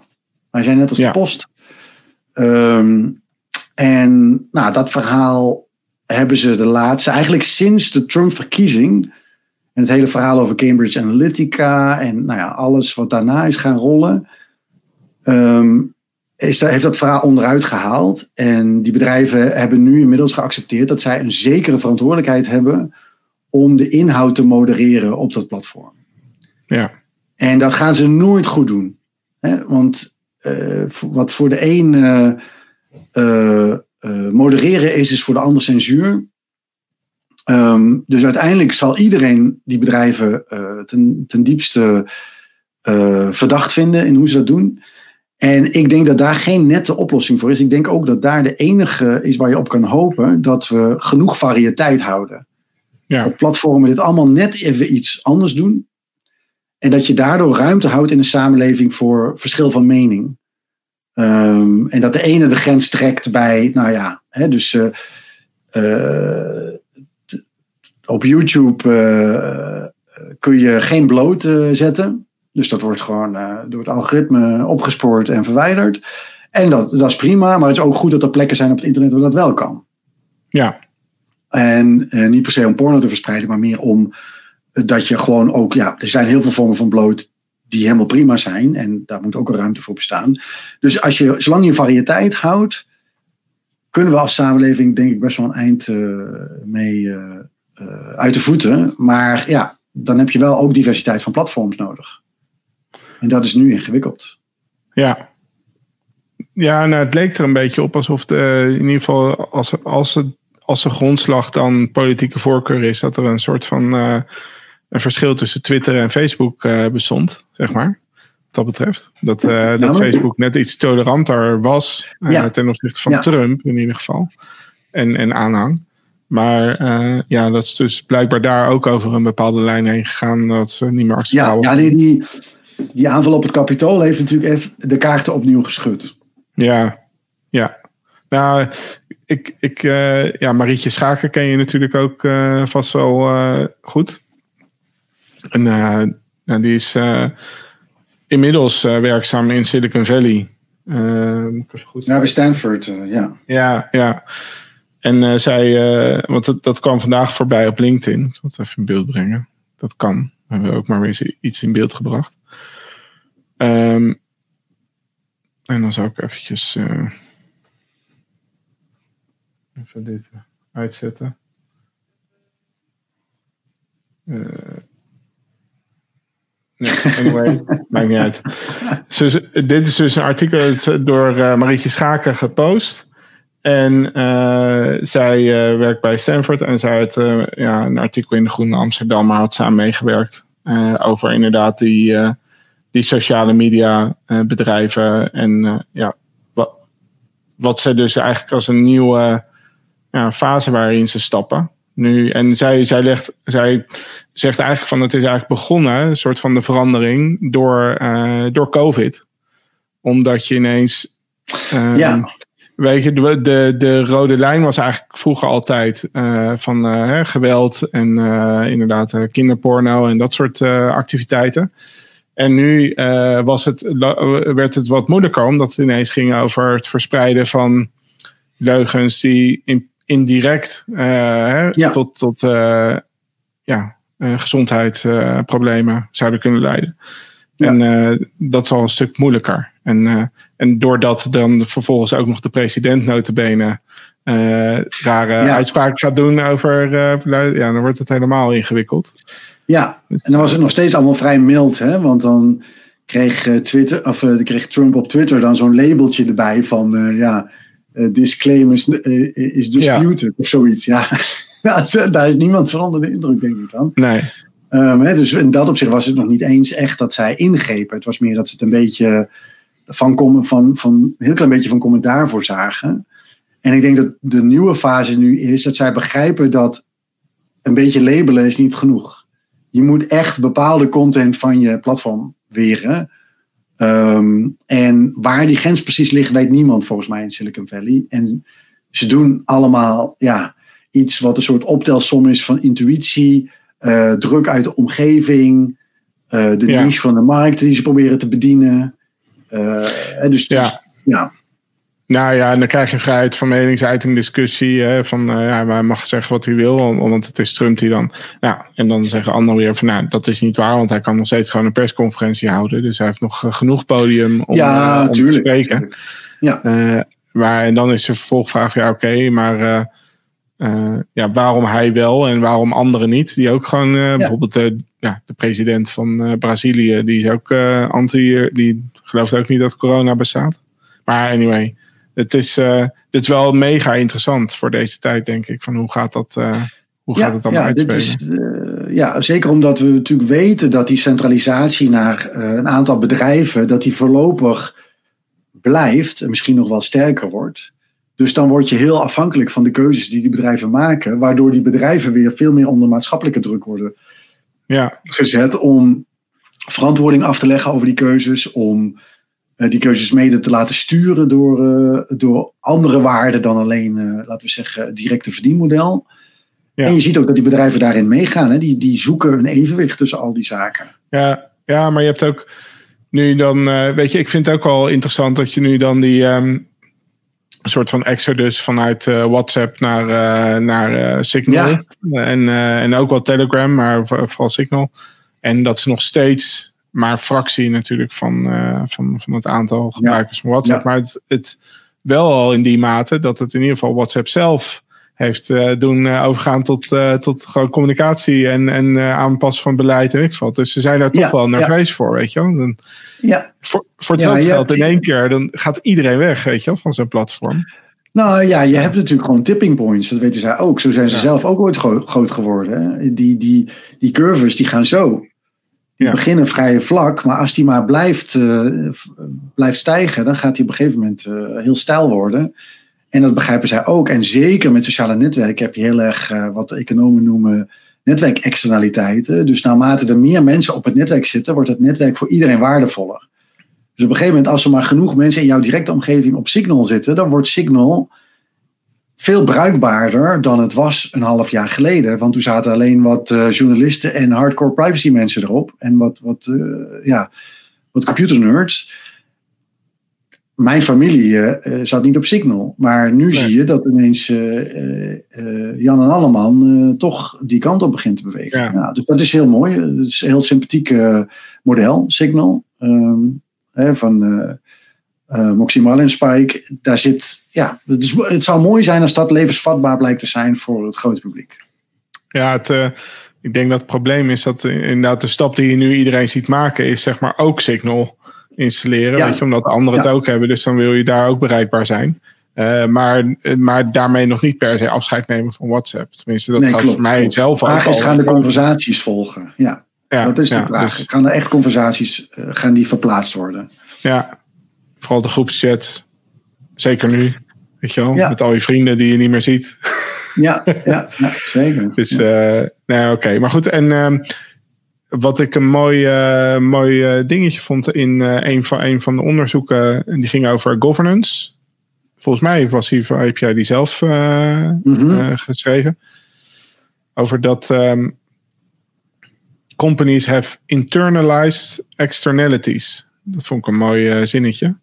Eh, volgens mij ging dat ook hier over dit soort aspecten dan, toch? Of, Ja, dat is iets meer sec over security vraag. Hè. Dit is heel, wat, waar we met die platforms natuurlijk hebben, is eh, wat techneuten dan zeggen content level. Hè. Daar, daar, ja, daar, daar is ook de laatste paar jaar iets verschoven. Hè. Dus toen ik in de cybersecurity de eerste, of eigenlijk tot, tot een jaar of twee, drie geleden, was alles wat met content te maken had, had niks met security te maken. Dat was niet security. Dat, daar gingen andere mensen over. Dat had te maken met intellectual property en censuur en eh, aanstootgevende content en zo. Nou, prima. Dat is allemaal niet interessant. Dat is geen, security gaat om computers hacken en, en eh, eh, ja, systemen en protocollen, even plat gezegd. En dat is verschoven. Nu zie ik steeds meer ook in die cybersecurity topconferenties onderzoek op het niveau van content. ja. Ehm, en eh, sorry, ik ben helemaal jouw vraag kwijt. Wat is je vraag ook alweer? Nou, het ging over de, de, dat je in het, in het onderzoek over, eh, over governance, ik weet het niet van. Oh, ja, ja, ja. Type, externalities. ja, ja. Ja. Dus, dus kijk, bijna alle soort eh, diensten die wij gebruiken op internet ehm, ehm, hebben te maken met bepaalde security problemen en de gevolgen daarvan komen vaak bij andere partijen terecht. Dus als ik een, ehm, als ik een eh, PC heb thuis en ik beveilig die niet goed, dan wordt die gehackt, maar dan wordt er eh, heel vaak niet direct tegen mij iets gedaan, maar tegen anderen. Dan wordt het bijvoorbeeld in een botnet geplaatst en dan gaat die bot, de botnet gaat spammen, cryptominen, weet ik wat allemaal niet. Ehm, maar niet per se tegen mij gericht rechtstreeks. Dus dan is eigenlijk mijn, mijn beveiligingskeuzes veroorzaken een probleem voor een andere partij. En wat je, eh, nou, en dat is, de economen zeggen dan, dan faalt de markt. Dus als de, als de schade bij een derde partij terechtkomt, niet de partijen die samen de markttransactie aangaan, in dit geval laten we zeggen KPN en jij thuis met je verbinding en je computer, ehm, dan faalt de markt, want zowel je KPN als jij hebben niet genoeg reden om dit probleem op te lossen. Dus blijft die schade bij die derde partijen terechtkomen. En eh, eh, ja, dan ben je een soort van theoretisch klaar als econoom. Dan zeg je gewoon, nou, dit gaat niet goed komen, hier moet gereguleerd worden. Wat je in de praktijk ziet gebeuren, niet altijd, maar toch verrassend vaak, is dat die, dat die schade toch op de een of andere manier leidt tot een aanpassing van het gedrag van die marktpartijen. Dus KPN heeft heel lang gezegd, nu heb ik het over meer dan tien jaar geleden, ja, botnets, daar gaan wij niet over, want het zijn de computers van mensen thuis. En ook vanwege de privacy en zo mogen we er helemaal niet naar kijken. Dat, eh, ja, wij, eh, wij leveren gewoon nullen en enen. En dat is, de- verder moet je niet bij ons zijn. Dat hebben ze best wel lang volgehouden. Ehm, maar op een gegeven moment ja, ontstond ook daar het besef: dit is niet uit te leggen dat wij niks doen. Hè, wij zien Mhm. al die botnet rotzooi langskomen. We, we krijgen informatie van organisaties als Shadow Server en zo dat er eh, geïnfecteerde machines zijn. En wij zouden dan niks doen. Dat is niet echt uit te leggen. Dus de overheid heeft een beetje druk gezet. KPN en de ISP's zelf hebben, ja, hebben daar toch eh, zich ongemakkelijk over gevoeld. Ehm, het was ook duidelijk dat je er niet mee kwam door iedereen voor te lichten dat ze vooral meer aan security moesten doen. En op een gegeven moment besluit zo'n bedrijf dan, ik ga, hier, ik ga toch hier eh, in meehelpen. Dus die zijn toen, KPN als eerste, een quarantaineoplossing gaan uitrollen. Waarin besmette klanten ja, in, een, in een quarantaineomgeving gezet werden. Totdat ze hun, de virus van hun computer hadden verwijderd. Nou, dat, dat is, dan is KPN een probleem oplossen, aan het oplossen wat zij niet veroorzaakt hebben. Ze zijn niet de aanvaller en ze zijn niet degene wie's computer onvoldoende beveiligd was. En toch zijn ze mee gaan oplossen. En dat zie je best wel vaak, juist omdat het internet zo rommelig is en de verantwoordelijkheid niet helder verdeeld is. Nee. Dus als je, heel veel mensen zeggen altijd, ja, je moet verantwoordelijkheid helder toedelen. En dan denk ik altijd, nee. Want zodra je verantwoordelijkheden helder maakt, gaat iedereen precies doen wat zijn verantwoordelijkheid is en er geen stap meer, want dat is iemands anders verantwoordelijkheid. En wat je met Ja, die was- hele vage, overlappende verantwoordelijkheden krijgt, is dat bedrijven denken, ja, ik kan niet goed uitleggen waarom ik hier niks zou doen, maar ik kan wel iets doen. Ik heb het probleem niet veroorzaakt, maar ik kan wel iets doen. En dan gaan ze uiteindelijk toch iets doen. En zo is, komt ook weer zo'n probleem als botnets toch langzaam onder controle. Ja. Wordt het een soort tolerabel.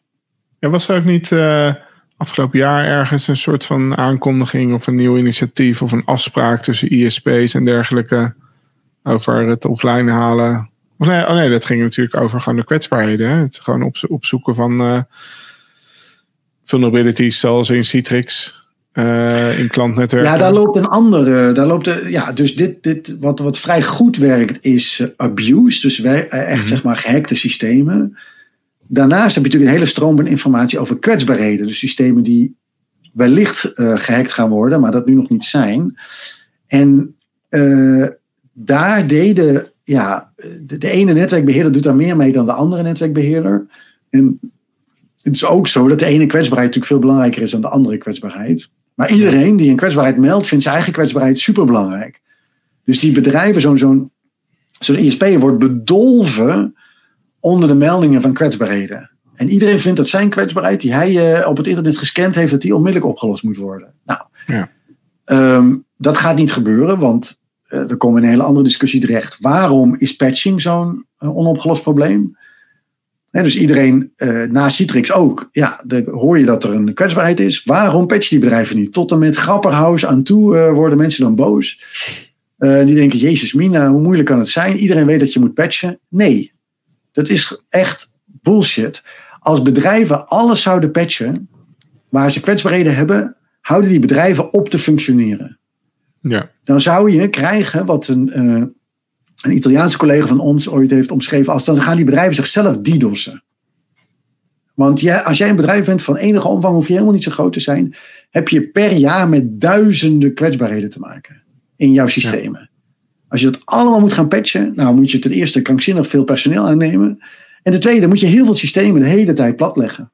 En als je de patch hebt uitgerold, moet je allemaal eh, eh, rotzooi gaan opruimen die daarna gebeurt, omdat ineens een doos aan de andere kant van het netwerk omvalt. Ja, dat kan niet, want die doos heeft niks met deze doos te maken en toch is die omgevallen. Ja, maar heb je ook duizenden kwetsbaarheden die eh, remote code execution toestaan? Oké, internet, dat is internet, goed. Hè? Dus we eh, komen bij de volgende vraag. Oké, je hebt duizenden kwetsbaarheden, fair enough, maar dan moet je alleen de critical doen. Ja. dus dat en die aan internet, dat die via internet, eh, via internet eh, ontsloten zijn, zeg maar. Dat Ja, eh, maar goed, d- dat is al een veel moeilijkere waar je het nu over hebt. Hè. Dus eerst zou je kunnen denken, oké, laat ik dan, hè, dan heb je zo'n de CVSS-score. Dan eh, hebben de mensen die die Ja. vulnerabilities gemeld hebben en degene die die eh, advisories maken, die hebben dan gezegd, oké, op een gegeven moment, eh, het, het heeft deze score.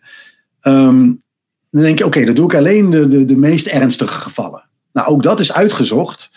En eh, het blijkt dat van die meest ernstige gevallen er 3% daadwerkelijk wordt aangevallen. Dus als jij, als jij een vulnerability gemeld krijgt, ook al is die 9 op de schaal van 10, is de kans heel groot dat die niet aangevallen wordt. Ja. Dat is probleem 1. Probleem 2, veel te veel vulnerabilities worden als, highly, eh, als, als eh, high severity of highly critical, ik ben even kwijt hoe die terminologie werkt, eh, aangemerkt. Want dat is ook een incentive, vraag, eh, incentive probleem. Dus de mensen, ik zeg het even heel cru, in jouw eh, beroepsgroep, die vinden hun vulnerability geweldig belangrijk. Want het is toch wel echt heel ernstig wat ik hier ontdekt heb. ja. Dus die gaan zelf proberen dat ding zo hoog mogelijk in te schalen. Daarna kom je bij de vendor, die denkt, nou ja, ik wil niet dit bagatelliseren, want straks gebeurt er iets mee. En dan heb ik gezegd dat die eh, low eh, eh, eh, is. Dus ik zet hem ook op eh, high. Dus die hebben allemaal een reden om het zo hoog mogelijk in te schalen, want dan leg je het probleem bij degene die de shit moet opruimen. En dan heb jij je werk Ja. gedaan. Dan kun jij als Microsoft zeggen, ja hoor, eens even, ik heb jou gewaarschuwd. Dit was eh, high severity. Wat wil je van nog meer van mij?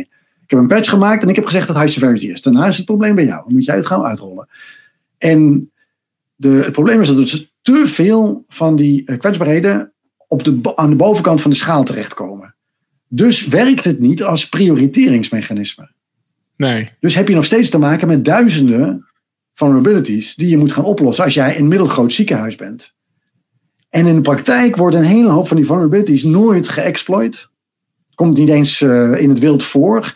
En als ze al in het wild voorkomen, een hele hoop van die kwetsbaarheden zitten in jou, bij jou in configuraties waar je vanaf het internet niet bij kan. Ja. Denk je, weet je natuurlijk nooit helemaal zeker. Nee. Er zal Via, wel eens via. iemand nog een extra kabeltje hebben gelegd ergens. Ja. Ehm, maar in principe is dat wat jouw administratie je vertelt. Ja, dan ga je dus niet patchen. Voor heel veel dingen. Dat is dan volkomen rationeel. Dus die kwetsbaarheidsmeldingen, dat is een hele ingewikkelde tak van sport. Nou, dat is het ook. Maar Het, het is eh, eh, dat hele CVSS-systeem. Eh, ik heb me daar eh, ooit eens een keer in verdiept, omdat ik toen iets moet, eh, moest gaan bedenken voor vulnerability management als dienst. Dat, ja, wat, is, wat is dat CVSS? Ja, En toen, toen kwam ik erachter van ja, je hebt dan CVSS base scoren. Dus dat is eigenlijk wat je in de algemene publicaties inderdaad als ja, scoringslevel voorbij ziet komen. Maar dat, daar houdt het niet bij op. Want je hebt dan nog een stukje dat heet temporal. Dus dat wil eigenlijk zeggen. eh, we hebben ook nog een. Er zijn ook nog elementen die van toepassing kunnen zijn, die met de tijd veranderen. Eh, bijvoorbeeld de exploitability. Hè, dat kan vandaag. eh, kan, er, kan, er, kan het eh, zo zijn dat we nog niet kennis hebben van een werkende exploit op deze vulnerability. En morgen kan het ineens zijn dat er iemand ergens een POC heeft gepubliceerd. En dan heb je een andere situatie. Dus dat zou je Ja. eigenlijk mee moeten wegen. En, en dus, maar dat zit al wel in het systeem. Alleen dat zit niet in de, in de basisscore die gewoon ergens staat van uh, dit, dit meer theoretische uh, analyse. En dan, en dan heb je nog de environmental. En die gaat echt over jouw, jouw omgeving waarin de, de boel draait. En ja, dan kan jij eigenlijk alleen beoordelen hoe belangrijk het is. Maar ja, ja. dan moet je dus wel klaarstaan om, om het op te pakken. En, dat, en dan die inderdaad die omgevingsvariabelen erop los te laten om te bepalen van ja, boek hiermee. Daar, dat, dat gebeurt dan niet. dat weet jij ook. Dat ja. bij een middelgroot bedrijf heb je het dan over duizenden en duizenden applicaties. Ja. Als je echt alles gaat turven op allemaal verschillende systemen, die allemaal uh, uh, aan elkaar geknoopt zijn in manieren die niet helemaal gedocumenteerd zijn. Ga het dan maar uitvogelen of die specifieke kwetsbaarheid van de, van de 30.000 of zo die er per ja. jaar langskomen, of die dan echt inderdaad bovenaan jouw lijstje moet komen. Dat is heel ja. ingewikkeld. En dat je er dan af en toe naast zit en dat jij dan uh, Maersk heet en ja, Eternal Blue niet gepatcht hebt. Dat ziet er achteraf ontzettend dom uit. Ja. En oké, okay, die had je wellicht ook prima kunnen weten. Ik, uh, ik ga ook niet per se Maersk verdedigen. Maar dat je een aantal patches. Dus, zo, A, dat je de meeste patches niet installeert, is volkomen rationeel. Sterker nog, dat is, dat is noodzakelijk. En dat je dan af en toe de, een patch niet geïnstalleerd hebt die je wel had moeten installeren, dat is ook onvermijdelijk. Dat gaat je een keer gebeuren. Ja, maar het is allebei waar, denk ik. Want het is ook vaak dat, uh, of tenminste dat je, dat je soort van op je sloffen kan aanvoelen dat, dat het ontbreken van een bepaalde patch, of het heel langdurig ontbreken van een bepaalde patch, meer een indicator is van, van eigenlijk uh, onvolwassen uh, beheer op dat vlak. Hè? Dus er is vaak, ja, weet je, dan, dan ga je er iets, iets, iets breder naar kijken en denk ja, ja, het past eigenlijk ook in de in de situatie van niet. En dan kan ja, natuurlijk ik, ook. ik snap wat je bedoelt. En ik, ik, ik, wij hebben onderzoek lopen wat op dezelfde aanname is gebaseerd. Dat, dat loopt pas net. En dan komen hele rare dingen uit die die aanname behoorlijk onder druk zetten. Oh ja? Dus wij hebben er nu scans gedaan samen met een Amerikaanse groep van de Fortune 5000. Voor zover we die op internet kunnen vinden. Niet iedereen heeft een heel duidelijk identificeerbare uh, footprint op internet. Maar van, ik geloof, zo'n 2000 bedrijven hebben we vrij goed kunnen zien waar ze zitten. Je hebt een eigen AS of zo. Um, als je dan gaat scannen wat daar draait, dan kom je op grote schaal, uh, dus niet een vergeten server linksachter, maar op grote schaal zie je dat hun IT-footprint soms drie jaar achterloopt met patches. Ja. Nou, ik denk dan, zij zullen wel maatregelen genomen hebben waardoor die patch niet exploiteerbaar is. Er zit een application firewall omheen, of weet ik veel wat ze opgelost hebben. Want kan me bijna niet voorstellen dat je hiermee wegkomt. Maar het feit is, als je tegen die servers praat en je achterhaalt welke versie daarop draait, blijkt, daar, blijkt de, de, de piek te liggen bij uh, meer dan een jaar verouderd. En iedereen die change management doet in een grote corporate uh, omgeving, die weet dat ook. Je gaat niet elke week uh, een patch draaien op die, op die systemen. Dat doe je gewoon niet. Nee. Dus is het, is het, er zijn daar twee rare conclusies. Eén is, wat wij als experts uitleggen, is dus eigenlijk heel slecht advies. Want voor bedrijven is dat volkomen onuitvoerbaar. Dus wij moeten onze eigen shit eindelijk eens een keer gaan oplossen. In plaats van te zeggen tegen die bedrijven, ja, ben jij er van nozel? Dank je de koekoek dat je gek wordt. Ik heb jullie het al tien jaar verteld. Dat je moet patchen. Ja. Nee, ons advies uh, is slecht. En het tweede is, ze komen ermee weg. Ja. Dus niet alleen is ons advies, advies slecht, maar zelfs de. de, de hè, want ze kunnen niet patchen zoals wij zeggen dat ze moeten patchen. Maar zelfs de gevolgen die wij voorspellen blijven uit. Ja. Want die Fortune 5000 ja. die zouden aan de lopende band gehackt moeten worden. Dat gebeurt niet. Nee, dat, uh, dat klopt. Ja. ja. Nog steeds zijn die grote hacks de uitzondering. En natuurlijk, er zit een hele ijsberg onder waar we niks van horen. Allemaal tot je dienst. Maar het is niet zo dat die bedrijven elk jaar allemaal gehackt worden. Dat is toch nee. niet zo? Is ook niet zo. Nee, ik, uh, ik, ben, ik ben het ook zeker met je eens. Uh, en nou, het is wel, het ja, blijft toch wel moeilijk. Ik zie, kijk, wij proberen um, iets creëren wat, wat vooral ook uh, echte kleinere bedrijven van, uh, van, mm -hmm. van, hulp moet voorzien. En dan gaan we daar uh, eventjes heel snel van uit dat het gros van die bedrijven voor gewoon de, de basis IT-voorzieningen gewoon al, al lang is, is gemigreerd naar Office 365 of Google. En dat er natuurlijk nog wel wat infra achter is gebleven, omdat je een kantoor hebt en je dus ja, met elkaar samen op één plek bent en één internetverbinding hebt. Maar ja, daar staat eigenlijk niet veel meer dan uh, ja, de laptops en terminals, ja. En terminals, ja, en, uh, en misschien een printer.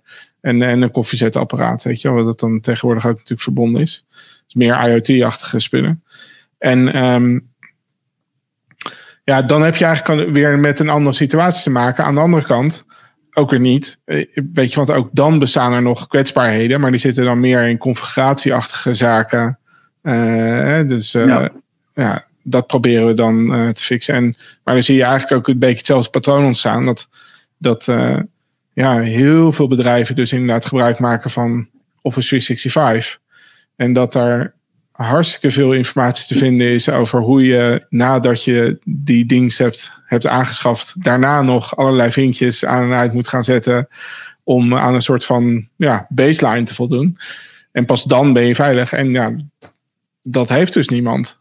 Ja. Uh, tenminste, ja, alleen maar een heel uh, select uh, groepje die dat netjes volgt. en ja, dus ik denk dat, dat dat het wel beheersbaarder wordt daarmee voor dat soort bedrijven. Want het is op zich. En wij kunnen ook beter daarbij helpen. Want we weten, we weten een heel goed beeld van wat we, uh, wat we moeten beveiligen om, om zo'n onderneming veilig te maken. Want het is Office 365, weet je wel. Dus of je nou Jantje, Pietje, Klaasje bent. Dat is de tool, dat zijn de opties. En zo ja. uh, zetten we die aan of uit. Ja. Maar uh, ja, nou goed. Het, Nee, ik denk dat voor MKB is de, zeg maar, de, is cloud denk ik een uitweg uit een volkomen onoplosbaar probleem. Hè? Want de gedachte dat MKB'ers zelf hun eigen IT uh, adequaat gaan beheren is onzin. Ja. Dat zijn bedrijven die hebben helemaal niet de armslag daarvoor. Hè? Dat moet je ook helemaal niet willen dat zij dat gaan doen. Die bedrijven die verdienen hun geld niet met IT-boeren spelen, maar met orchideeën kweken en die uh, wereldwijd verschepen. Dus dat je dan in de cloud terechtkomt en dat dan cloud providers een belangrijk deel van de basis uh, gewoon op orde brengen. En dat je die bedrijven kan helpen om daarbinnen in een volkomen gestandaardiseerd product. Hè, want dat is dan het voordeel. Hè, de complexiteit wordt ja. enorm gereduceerd. En complexiteit is de vijand van security. Um, Mooi. Ja, dat is voor die, voor die bedrijven is dat een heel uh, is dat een uitkomst. Hè? Dus samen met jullie kunnen een product leveren wat voor heel veel MKB'ers bruikbaar is, zonder dat je elke MKB'er individueel af moet ja. gaan. Ja. Dus het is door een klein bedrijf kun je daar een, een werkbare oplossing eh, eh, leveren, omdat het volkomen gestandardiseerd is. Ehm, en eh, die bedrijven hoeven niet meer zelf IT-professionals te gaan worden of te gaan Nee. naspelen. Ja, maar er zijn en trouwens wel leuke comments ook. Moeten we daar niet ook wat mee? Ja, ja, nou, welke vind je leuk? Dan- Nou ja, Rick eh, eh, eh, had dat is mijn- een interessant punt aan. dus ah, oké. maar, Ehm, ja, Nou ja, dat weet ik niet. Dus ik, ik behandel iedereen gelijk, eh, ja, prima. Zelfs als ze bij jou werken. Ja. Ehm, hij, eh, ja, Ik zal het even voorlezen, want- vraag. Ik moet even voorlezen, want er zijn mensen Oh ja, voor de die misschien terugluisteren. En dan, eh, dus Rick eh, van Duin die vraagt: Denk je niet dat een groot deel van de hacks niet publiek bekend worden? Ja, daar zei je eigenlijk al iets over. Maar Ja, ja nee, dat, dat is zo. Hè? En niemand weet precies hoe groot de ijsberg is die onder het water eh, zit.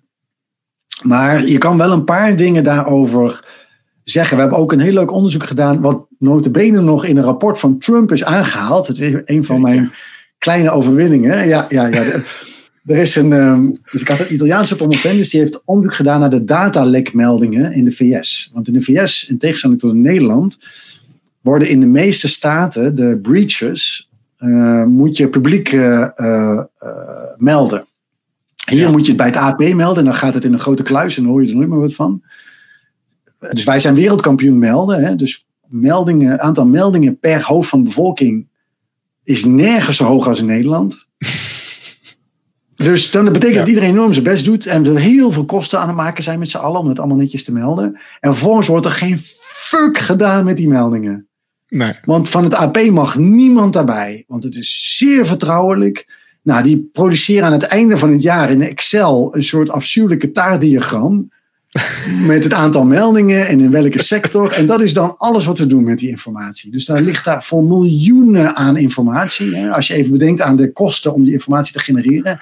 En we doen er geen fuck mee. wat een mooi onderzoek je daarmee zou kunnen doen, eh, Michel. Nou, in de VS is die informatie dus heel eh, in belangrijke Ja. mate openbaar. Daar is dus echt heel veel interessant onderzoek mee gedaan. En eh, er zijn hele bedrijfstakken rondom ontstaan. Want je kan ook een soort risicoprofilering gaan doen met die data. Dus je kan kijken, de bedrijven die data breaches gemeld hebben, in welk opzicht zijn die anders dan de bedrijven die dat niet gemeld hebben in die sector, die geen data breach hebben gehad. Afijn. Lang verhaal kort, dat onderzoek wat dus ooit in een rapport van Trump, eh, van zijn eh, Economic Board, terechtgekomen is. Maar er staat dus een voorwoord in van onder de Trump presidency. Geweldig, dus die heb ik ergens uitgeprint aan mijn muur hangen. op, op de campus, waar ik al eh, sinds maart niet meer geweest ben. Ehm, eh, eh, en omdat die, de regelgeving per Amerikaanse staat een beetje verschilt, kun je dus statistisch kijken wat de invloed is van het feit of je die meldingen openbaar maakt of niet. En want niet in alle staten zijn ze volledig openbaar.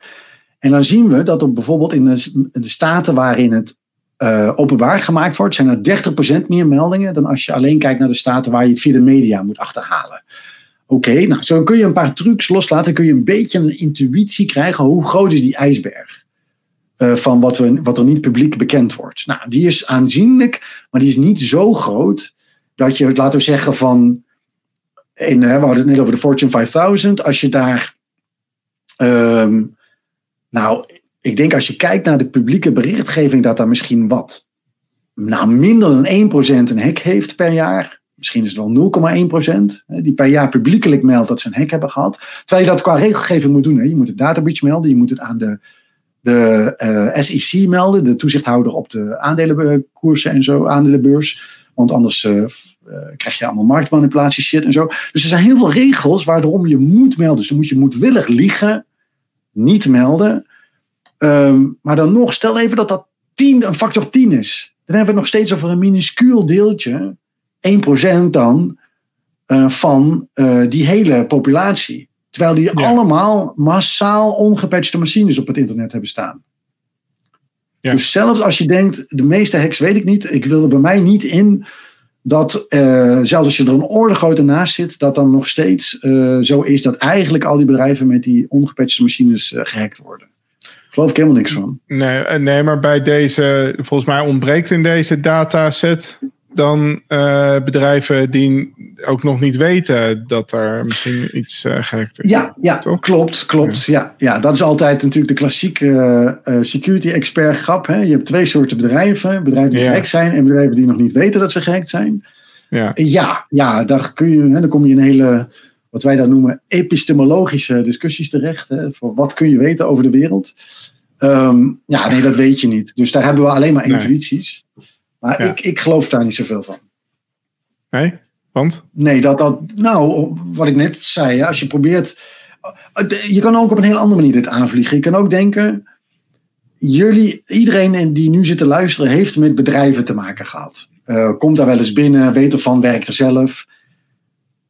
Is het zo dat jij dan bij al die bedrijven, dat daar hacks zijn gebeurd die onder de pet zijn gehouden? Of die, die nooit ontdekt zijn, maar wel echt serieuze hacks zijn geweest? Twijfel het. Hè? De meeste hacks moeten wel gemonetariseerd worden. Ja. Je moet er ransomware op flikkeren en geld vragen. Je moet uh, afpersen met data die je weggesluist hebt. Je moet wel ergens geld verdienen als hacker.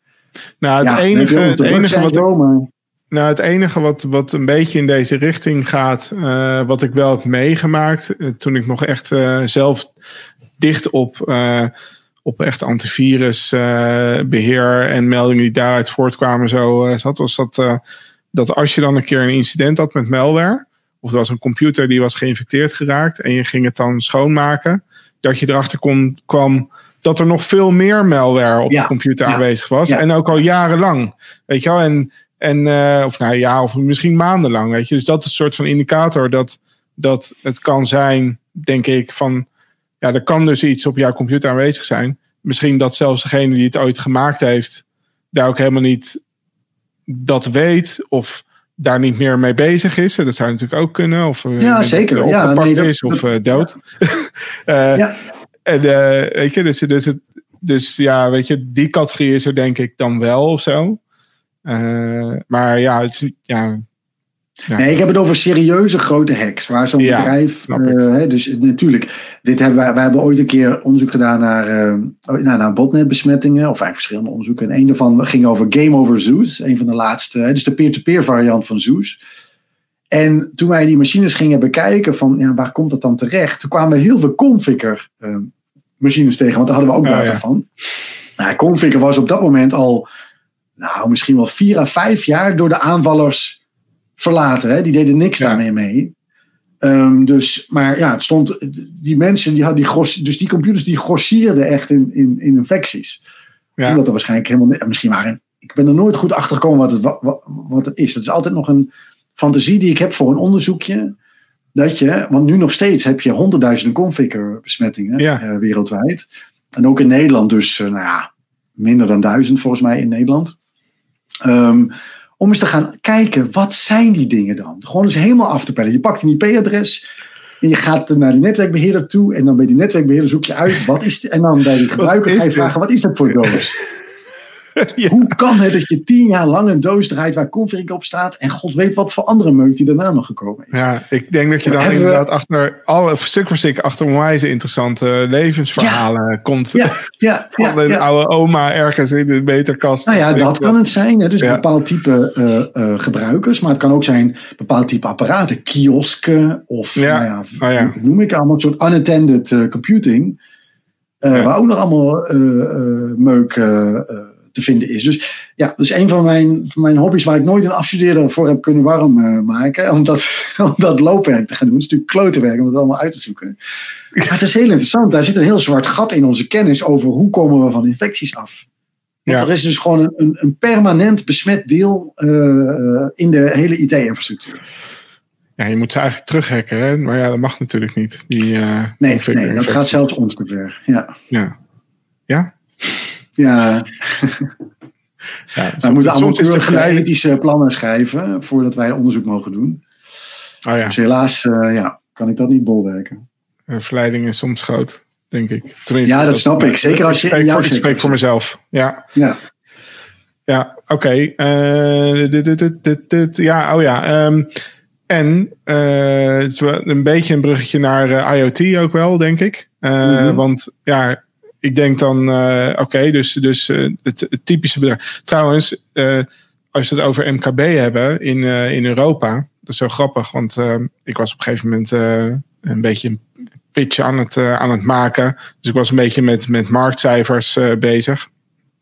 En dat was voor Amerikanen. Dus als Amerikanen SMB zeggen, dan, dan bedoelen ze heel snel bedrijf tot duizend medewerkers. Mm. Dus de, de, weet je, alles kleiner dan duizend is, is klein. En uh, nou, wij hebben in Nederland hebben we, hebben het eigenlijk over tot 250 medewerkers. En misschien ook wel factor omzet. Maar in medewerkers is dat in principe de grens. En in Europa is dat misschien weer 500 de grens of zo. Maar in, uh, in, uh, in heel de EU heb je, zijn alle, van alle, bedrijf, alle bedrijven die geregistreerd zijn, is 99,8 procent heeft 250 medewerkers of minder. En, en, en een heel groot gedeelte onder de 10. Weet je, daarvan. Weet je, dus ja. het is maar een heel klein fractie wat, wat groter is dan dat. En het is zo grappig dat um, als je kijkt naar de cybersecurity industrie. En dat, dat geldt uh, uh, voor een groot deel ook al voor de technologiebedrijven. Die dus echt software en hardware maken en zo. maar ook al voor de, voor de dienstverlening. Dat die ja, bijna allemaal op, op 1000 plus uh, richten. Weet je, als uitgangspunt. En dan, dan denk ik van, moet je kijken wat ontzettende uh, berg uh, aan bedrijven dus eigenlijk ja, niet gericht worden, ja. worden geholpen ja. vanuit... ja, dus nou, hoe kwam ik hierop? Ja, omdat ik denk dat, dat dus um, juist dat MKB, nou, die hebben allemaal uh, die weg naar de cloud gevonden. Die gaan helemaal niet meer een eigen computer serverruimte uh, maken met, uh, met airconditioning en dat soort meuk. Die nemen gewoon de cloud. maar die zijn ook tegelijkertijd natuurlijk allemaal aan het nadenken van hoe, wat is mijn overlevingskans in een digitale gerobotiseerde wereld. Dus je mm. ziet ook overal natuurlijk ja, nieuwe IoT, sensoring en dat soort dingen ontstaan. En in die, in die wereld, daar zit natuurlijk ook een enorm zwart gat wat betreft vulnerabilities en uh, ja, dat soort Ja, dat werken. begint, uh, dat moet nog helemaal beginnen. Hè? Die staan aan Ja. het begin, zeg maar, die zitten nu waar eh, Windows ME of zo eh, Ja, zat, twintig jaar geleden. Eh, het alles draaide als admin en eh, het was één grote bende. geen firewall. Ja, nee, precies. Dus ja, dat, dat, dat, die, die hebben iets. eh, als het goed is, ko- komt dat in gebruik in omgevingen waar een aantal basisdingen soort van standaard wel aanwezig zijn. Dus het wordt dan iets minder erg. Maar nee, dat, dat begint allemaal nog. Ook omdat die spullen worden gemaakt door industrieën die niet uit de IT eh, eh, komen. Dus die maken alle fouten die, die binnen de IT al, zeg maar, waar je al twintig jaar lang voor gestraft wordt door criminelen. Ja. Eh, die rustig nog een keer overnieuw maken. Ja, maar ja, dat is ergens is dat bizar ook wel. Inderdaad, als je zo zegt, is het natuurlijk ook wel gewoon eh, dood, eh, doodnormaal. Denk ik inderdaad, ja, je, komt, ja. Dus je, maakt gebruik van dat wat, wat je kunt vinden en daar bouw je op voort. En als datgene wat je vindt eh, dus gewoon totaal eh, onveilig is, ja, dan is dat dus je uitgangspunt. Ga je ook niet meer druk over. Ja, ja, ja, ja. Ik, ik begrijp het in dat opzicht wel. En aan de andere kant ook weer niet. Hè. Ik, ik zat ooit een keer, hield ik een verhaal. En ehm, toen stelde iemand mij een vraag over die eh, Fiat Chryslers. Die, dat is nu wel twee, drie jaar geleden. Die gehackt konden worden op afstand. Er is zo'n beroemd filmpje Ja. van Wired. eh, iemand die een auto stilzet op de snelweg en zo. Ehm, en eh, die Fiat Chryslers die hadden dus een public routable IP-adres toegewezen gekregen. Dus het hele internet kon tegen die auto praten. en dan probeer je je voor te stellen, dus Fiat Chrysler is geen klein bedrijf. Nee, Die hebben heel veel slimme van de mensen. grootste zelfs, dacht ik. Ja, precies. Die hebben, zullen ook heus wel geld hebben om fatsoenlijk IT-personeel in dienst te nemen. Waarom glipt dit er dan toch Ja. doorheen? En dat heeft volgens mij iets te maken met dat je dit. Dit is niet een kwestie van expertise. In ieder geval niet expertise alleen. Dit is een kwestie van ervaring. Je moet, Ja. Die bedrijven, zo ook Microsoft. Microsoft is tienduizenden keer op zijn bek gegaan. En iedere Ja. keer hebben ze dat geprobeerd weer op te lossen en op te lossen en op te lossen. En dan langzamerhand krijg je een, een, een, een ervaring die bepaalde dingen in zo'n organisatie internaliseert. En dan wordt je software structureel beter. Ja. Maar zolang je niet op je bek gaat, denkt elke ingenieur dat hij, dat hij het eh, wel weet. En dat Ja. hij heeft eh, het ergens even doordacht en het is helemaal in orde dit. Ja, totdat iemand laat zien of een ethical hacker of een niet zo ethical hacker. Dat, je daar, dat een paar van de aannames niet helemaal klopten achter dat ontwerp. Nee. Nee, nou inderdaad. Wij, wij hebben. Ja, dit, dit zijn dan auto's en dat is eigenlijk al een paar fases verder. Maar we, ik heb toen. eh, eh, ik dacht van oké, nou. eh sabbatical, ik ga wat nieuws beginnen. Dat moet dan ook wel een beetje. Ook vooruitkijkend zijn van wat hebben, we, wat hebben bedrijven over vijf tot tien jaar eigenlijk nodig aan diensten. Weet je, vanuit de security ja, dienstverlener. En toen dacht nou, daar komt dus iets van eh, robotisering en IoT en zo. eh, ja, is onlosmakelijk dan daarmee verbonden. dus toen was ik een beetje in gaan verdiepen. En toen kwam ik op het Robot Operating System. Ken je dat? ROS. Nee? Nou ja, dat is een, dat is, een, een operating system wat gebaseerd is op Linux. Maar het heeft dan al een aantal modules eh, standaard ingebouwd, waardoor je de basisfuncties van een typische robot, namelijk kunnen rijden en kunnen eh, LiDAR-achtige functies eh, kunnen doen, dat dat er al in zit. Zodat je eigenlijk als ja, developer daar bovenop vervolgens je meer functionele ontwikkeling kan gaan doen. Weet je? Dus je hebt al iets wat kan rondrijden, je hebt al iets wat, wat zijn omgeving kan scannen. Weet je wel? En nu ga je nadenken van oké, wat, wat, wat wil ik er nu mee precies?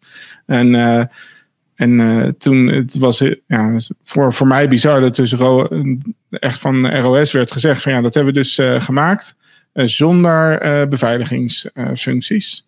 Bewust. Want ja, we willen eigenlijk geen enkele eh, ja, geen stroopreedte in de weg leggen voor ontwikkelaars om dingen te doen die ze. Die ze Ja, ja, oké.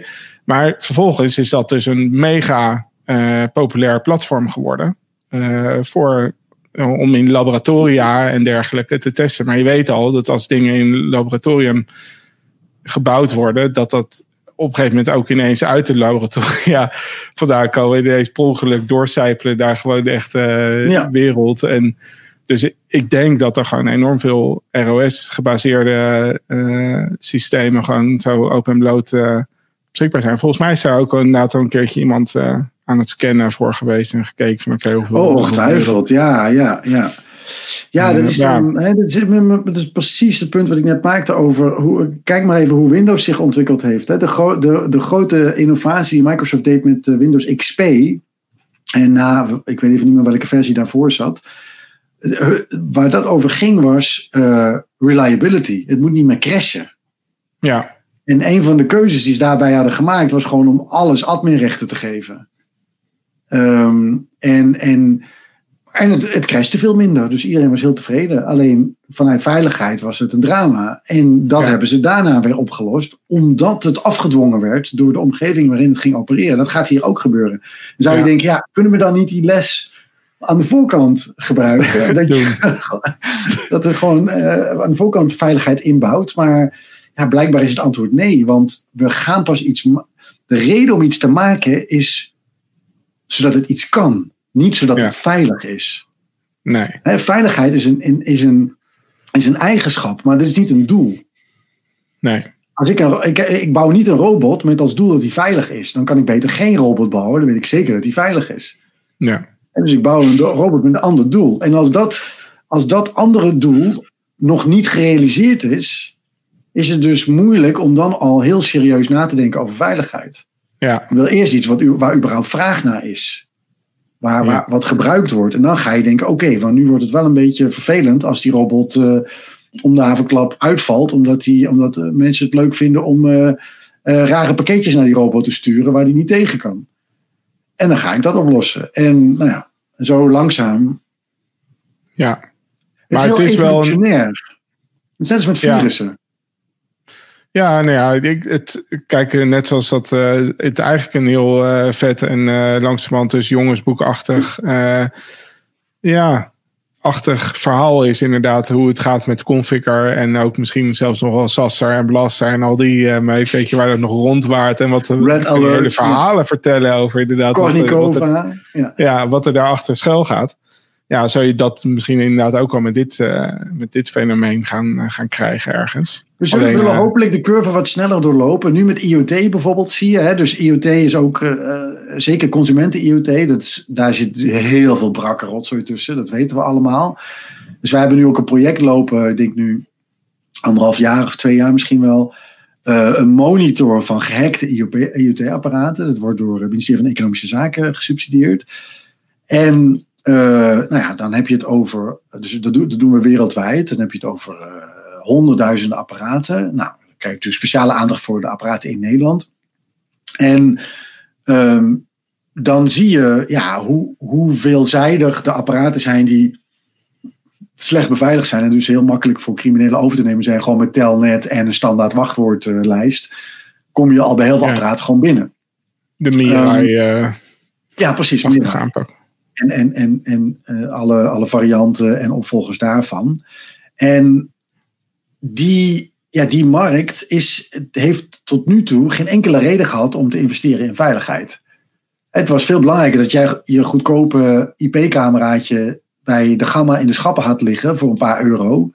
En dat vond de Gamma ook belangrijker. Dus die kochten het in een Chinese fabrikant die verder uh, ja, tegen bodemprijzen dat spul uh, in een container stopte voor je dat begint langzaam te veranderen.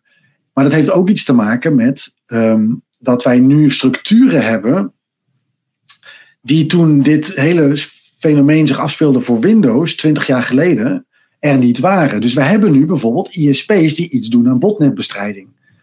Dus KPN en, en vermoedelijk ook uh, anderen, uh, die doen al uh, besmette IoT opruimen. Die zetten al klanten in quarantaine ja. omdat ze Mirai hebben. Nou, dat doen niet veel landen hoor. Dat, dat, daar lopen Nederlandse ISP's best wel mee voorop. En uh, dus er zijn al structuren om het aan te pakken. En we gaan eerder op die fabrikanten leunen. Daar gaan we niet tien jaar mee wachten. Dus ja. nu ook in het onderzoek van die monitor. Er komen twee fabrikanten uit die de helft van alle besmette apparaten wereldwijd, hè, wereldwijd, de helft van alle besmette apparaten die wij kunnen identificeren, uh, komt van twee fabrikanten. Hikvision en uh, AV Tech respectievelijk uit China en Taiwan. Nou, zijn allebei ook wel bekende namen om de een of andere reden. Ik weet niet waarom ik ze ken, maar goed. Ja, ik, ik kan niet zeggen dat het eh, namen zijn die in het gemiddelde huishouden vaak over de tong gaan, maar ze, ze hebben heel veel spullen die je overal ja. kan kopen. Dus je komt het toch tegen. En dus in die, die, die, die, uit die monitor blijkt ook dat dit per land min of meer hetzelfde is. Dus je zou denken, nou ja, in bepaalde landen kopen ze andere spullen dan in uh, uh, nou ja, landen, zeker in een andere regio, hè, in een ander continent en zo. Nou, dat blijkt niet heel erg zo te zijn. Het blijkt dat wij met z'n allen dezelfde rotzooi kopen, wereldwijd. Ruwweg. ja. um, maar dat is ook goed nieuws, want het betekent dat je bijvoorbeeld als EU kun je naar die twee fabrikanten toe gaan en zeggen, uh, jongens, als dit niet heel snel opgeruimd wordt, gaan wij jullie containers aan de, bij, bij de havens tegenhouden. Want wij zijn nu jullie werk aan het doen.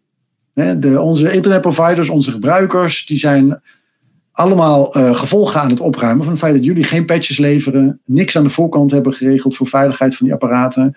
Dat gaat nu stoppen. En dat ja. die cyclus gaat nu wel sneller, omdat overheden gewend zijn dat zij die rol hebben. Dat was aan het begin van de, zeg maar de jaren 2000 met Microsoft, was dat niet zo. Toen dachten ze in Nederland nog, ja, wij kunnen daar niks van vinden, want Microsoft zit helemaal in Amerika. Daar gaan wij niet over. Ja, ja jeetje, wat gaan we nou doen? Nou, nu denken mensen, ja, hoor eens even, jij verkoopt die spullenboel hier. Dan vind ik er ook wat van. Ja, ja, we zijn er gewoon een belangrijke markt wat dat betreft. Dus, uh, uh, ja, Europa is, is een van de grootste markten ter wereld. Dat vergeten we wel eens. Het is groter dan Amerika. Dus als je hier ja. je spullen niet mag verkopen, nou, dat zijn toch aardig wat gemiste inkomsten. Ja, ja als we inderdaad gewoon met één uh, mond spreken, dan is dat wel handig. Dan nou ja, dit lijkt me niet iets. Hè, zelfs nee. Orban uh, kan het hiermee eens zijn. Dus, dit, dit moet de regelen zijn. Op, ja, we, ik weet dat in, on, in onze deerbaarheid dat Rick en Wesley nog een keer een, zo'n, zo'n smartwatch voor kinderen hadden uit, uit, elkaar hadden gehaald. Oh, ja, ja. En, eigenlijk, eigenlijk simpelweg hadden gekeken naar van oké, okay, hoe gaat de communicatie tussen dit, dit horloge en ja, de opslag van wat dat ding doet. Want je kon daar dus, uh, hoe werkt het ook weer? Je kon als, als drager van het horloge, kon je dan met één knopje kon je geluidsopname maken. En dat ging, werd dan verstuurd naar ja, geconfigureerd telefoonnummer. Dus het van je ouders. Eh, en andersom eh, ook. Alleen, eh, ja, het zat niet een enorme harde schijf of zo op die pols. Dus ja, dat, waar werd het opgeslagen? Nou, dus in de cloud. Dus uh, nou, gekeken waar gaat het naartoe en hoe werkt dat? En toen kwamen ze na een paar, nou niet heel lang zoeken, volgens mij kwamen ze erachter dat die cloud opslag, dus eigenlijk gewoon, ja, alle, ja. ja. open was. Ja, en gewoon echt, van, ja, dus elke opname van al die kinderen uh, gewoon te raadplegen was. En uh, nou goed, dat, dat was erg genoeg. Maar toen kwamen ze in dat onderzoek dus achter dat precies deze, dit type smartwatch dus eigenlijk een, een, een, een meer een soort van ja, platformpje was. Of nou ja, white label uh, smartwatch was. Wat gemaakt werd in China. En wat dus onder allerlei merknamen ja, uh, wereld, ja. Maar al die verschillende merken hadden dus gewoon exact hetzelfde ding. En ook dus exact hetzelfde probleem. Dus het was echt, had echt veel impact. En dat zie je, denk ik, volgens mij, dat is precies eigenlijk wat je hier beschrijft. Dat, dat, dat nou, ergens is er dan een fabrikant die spullen aan het maken. En het gaat alle kanten uit. En daardoor is het ook zo wijd verspreid, denk ik. Is nog niet eens omdat iedereen iets van Hikvision koopt, maar omdat het misschien onder een ander label op de markt uh, verschijnt. Of ja, zo. ja, nee, die, mar die, die, die Hikvision heeft geen reclames hier op de televisie of op YouTube. Nee. Dus die zijn helemaal niet aanwezig als merk. Uh, want dat is niet hun business. Zij, zijn niet, zij zitten niet in de retail volgens mij. Ze zitten primair als een soort uh, wholesale, ja. maar OEM manufacturer. Ja, en dan via Alibaba en dan alle kanten. En, en andere ja. mensen plakken daar hun eigen logo op en die gooien het hier in de schappen. Ja. ja. Hm. Maar um, we gingen dat als, als EU ook oplossen, toch? Met het, uh, met het onder, ja, eisen stellen aan uh, IoT en. Uh, ja, er is iets dat heet het Radio Equipment Directive. Dat wordt in Nederland door het agentschap Telecom wordt dat, toezicht op gehouden. En daar zijn al regels voor bepaalde categorieën IoT, bindende regels opgesteld. Bijvoorbeeld kinderspeelgoed valt daaronder. Ja. Dus zodra het aan de wifi hangt, valt het onder de Radio Equipment Directive. Dus Europa heeft al een instrument om hier iets te doen. Maar goed, dat gaat natuurlijk allemaal traag, zoals je begrijpt. En voordat dat echt dekkend gaat zijn, zijn we heel wat jaren verder. Dus ik denk dat je parallel aan bindende regels moet je gewoon nu al op die fabrikanten gaan leunen. En ik denk ook dat dat ja. kan. Uh, als je kijkt naar um, veel kleinere voorbeelden nog. Hè, toen Mirai een groot uh, ding werd, wat was het, najaar 2016 of zo. Toen werd Brian Krebs uh, aangevallen, hè? dat kun je misschien nog herinneren. Ja, ja. Dennis, Din uh, aanval was dat toch? Aan de. En um, chips, waar ging ik heen met dit verhaal? oh ja, toen ging Krebs natuurlijk daarna ja, stukken schrijven over wat is dit? Waarom ben ik, wie, wie zit hierachter? Wat zijn dit voor, voor spullen? de hele IoT en, en de botnets ervan kwam toen ineens groot in beeld. In onze wereld, hè? In, de, in de gewone wereld misschien uh, was het uh, nog steeds niet heel erg uh, zichtbaar. En um, toen heeft hij onder andere met een paar bevriende hackers, vermoed ik, een lijstje gemaakt van de fabrikanten van de apparaten waarmee hij was aangevallen. Ja. En op dat lijstje stond onder andere um, Dahua of zoiets heette het. Ik weet even niet meer. Een andere Chinese fabrikant. Nou, Brian Krebs is gewoon een soort freelance journalist met een weblog. Het is niet uh, Trump. Maar hij had dat lijstje gepubliceerd op zijn weblog. En toch zag dat Dagua zich genoodzaakt aan om er publiekelijk op te reageren. Nou, eerst dreigen ze met een rechtszaak, even de klassieke reflex. Nou, toen hadden ze heel snel bedacht, dat is toch niet zo'n goed idee. Toen reageerden ze publiekelijk erop dat ze security heel belangrijk vonden en bla bla bla. Uh, en daarna hebben ze een recall uh, aangekondigd. Dat ze die apparaten gingen terugnemen. Nou, volgens mij hebben ze dat uiteindelijk nooit gedaan. Dat was allemaal een soort PR-bullshit. Maar het feit dat één freelance journalist met een weblog een, een Chinese fabrikant zover kan krijgen dat daar mensen overuren draaien om eerst uh, te intimideren, dan te bullshitten en vervolgens een soort te capituleren, denk ik. Ja. Als dan een grote uh, uh, overheidsorganisatie, als een EU of een VS, op zo'n bedrijf gaat leunen, gaan die heus wel iets doen. Ja. Ja. Dus, En daar verwacht ik meer van dan, dan, dan zeg maar regulering. Dat zal ook wel komen, maar dat loopt altijd achter op, uh, op wat je eigenlijk nodig hebt nu. Ja, ja.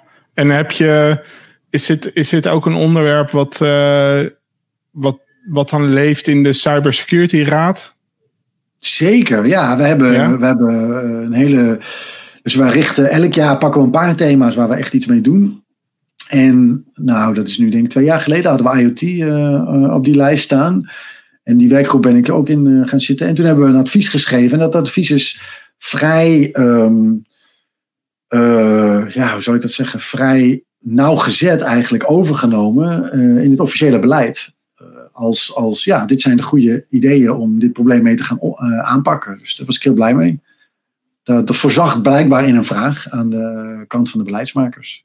Ja, oké. want die, en die, die, die Cybersecurity Raad, eh, wie, eh, hoeveel mensen zitten daarin? Hoe, hoe werkt dat? Een stuk of 18 of zo? Ik weet het niet precies. 18, zo. Ja, het, het wisselt ook nogal. Ja, je moet je voorstellen, er zitten ehm, eh, een stuk of acht topmensen uit de overheid in. En dus directeur-generaals, de, de, zeg maar de hoogste ambtenaren die nog iets inhoudelijks doen. Je hebt nog wel een ambtenaar daarboven, maar die, die, het is meer een soort bedrijfsvoeringsfunctie. Ja. Eh, dus de directeur-generaal zitten daarin. Ehm, en acht mensen uit het bedrijfsleven. Dus dan praat je over een eh, Joost Vaarwek, van, CEO van KPN. Je praat over ehm, eh, eh, de, de directeur van FME, de, de brancheorganisatie vanuit de metaal. Eh, je praat, praat over eh, iemand van het havenbedrijf. Ja, dus key players eh, aan de kant van het bedrijfsleven. Dat, daar zit enige verloop in. Eh, die worden afgewisseld door weer andere mensen. En dan vier academici, vier mensen van de universiteit, waar ik er eentje van ben. En ja, dat is. Mensen hebben soms hele overspannen verwachtingen van wat zo'n raad dan kan en doet. En het is natuurlijk gewoon een praatclub. En er komen gewoon mensen bij elkaar die gaan over iets praten met elkaar. Dat is in essentie wat het is. We hebben geen enkele macht. We kunnen, zoals het dan mooi heet, gevraagd en ongevraagd advies uitbrengen. Nou ja, dat mag jij ook. Hè? Dus dat is niet ja. een bevoegdheid waar je, waar je voor uh, de wet hoeft uh, aan te passen. Je mag ook uh, gevraagd en ongevraagd advies uitbrengen. Um, maar wat er interessant aan is, is deze, deze groep mensen is nergens anders in gesprek met elkaar. Nee. Ja, als jij normaal gesproken ergens Joost Farwijk uh, laat komen, dan is het of in een setting waarin er de belangen, nou laten we zeggen, niet uh, gelijk uh, zijn. Dus de overheid wil iets van KPN bijvoorbeeld. Ja. En dan neemt Joost zijn, zijn advocaten mee en zijn regulatory affairs mensen. En met de overheid zit er, nou, en dan wordt er gewoon onderhandeld en moeilijk gedaan en weet ik veel wat. Um, of je krijgt van die bijeenkomsten waar een paar mensen een soort keynote-achtige mededelingen staan te doen, die allemaal ja. Zo hoog overgaan. Dus een echt gesprek waarin mensen zich niet verschuilen, maar gewoon met elkaar proberen uit te vogelen. Wat moeten we hier nou mee? Hoe zit het in elkaar? Hoe kijk jij daarnaar?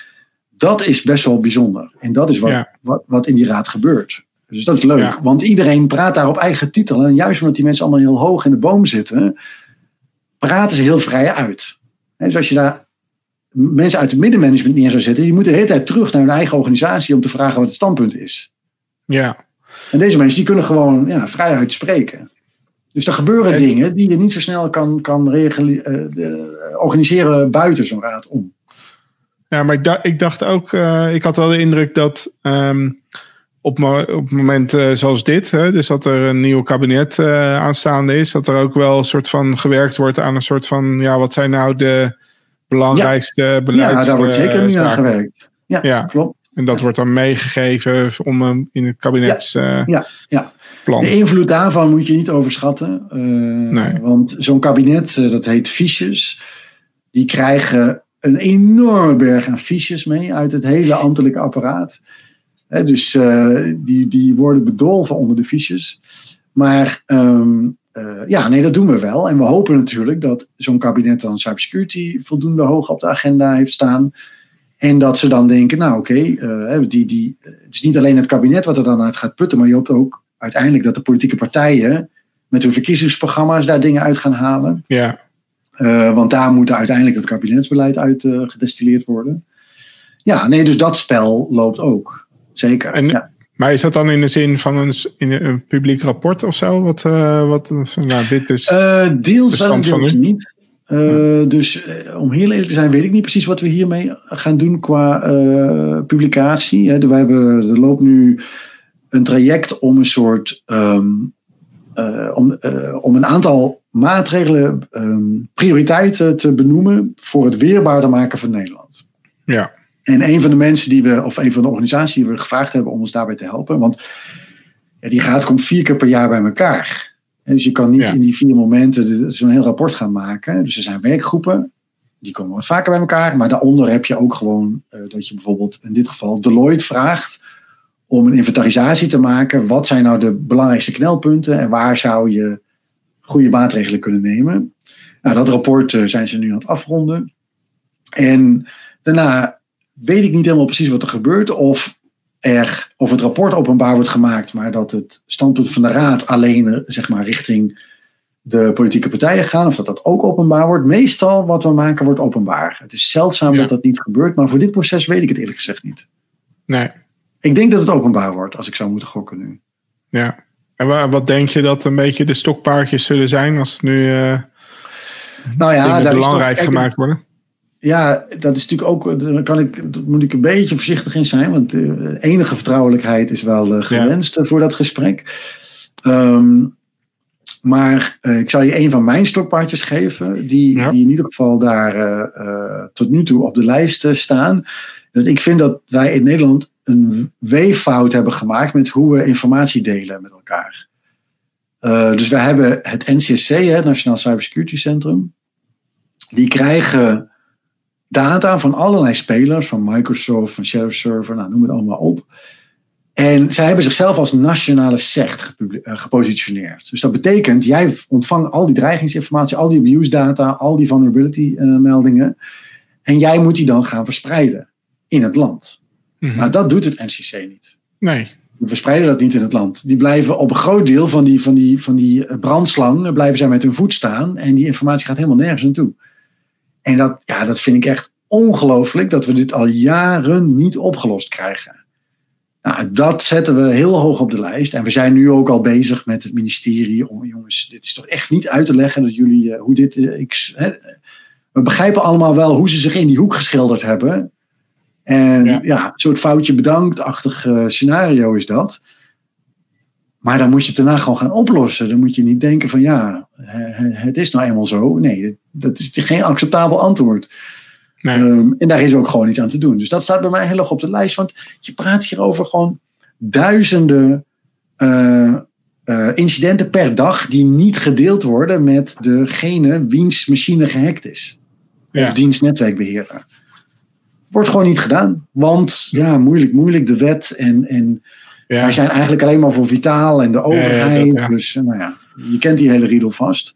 Ja. Eh, nou ja, dat moet gewoon opgelost worden. Het is onbestaanbaar dat wij een nationale CERT hebben die niet het werk doet van een nationale CERT.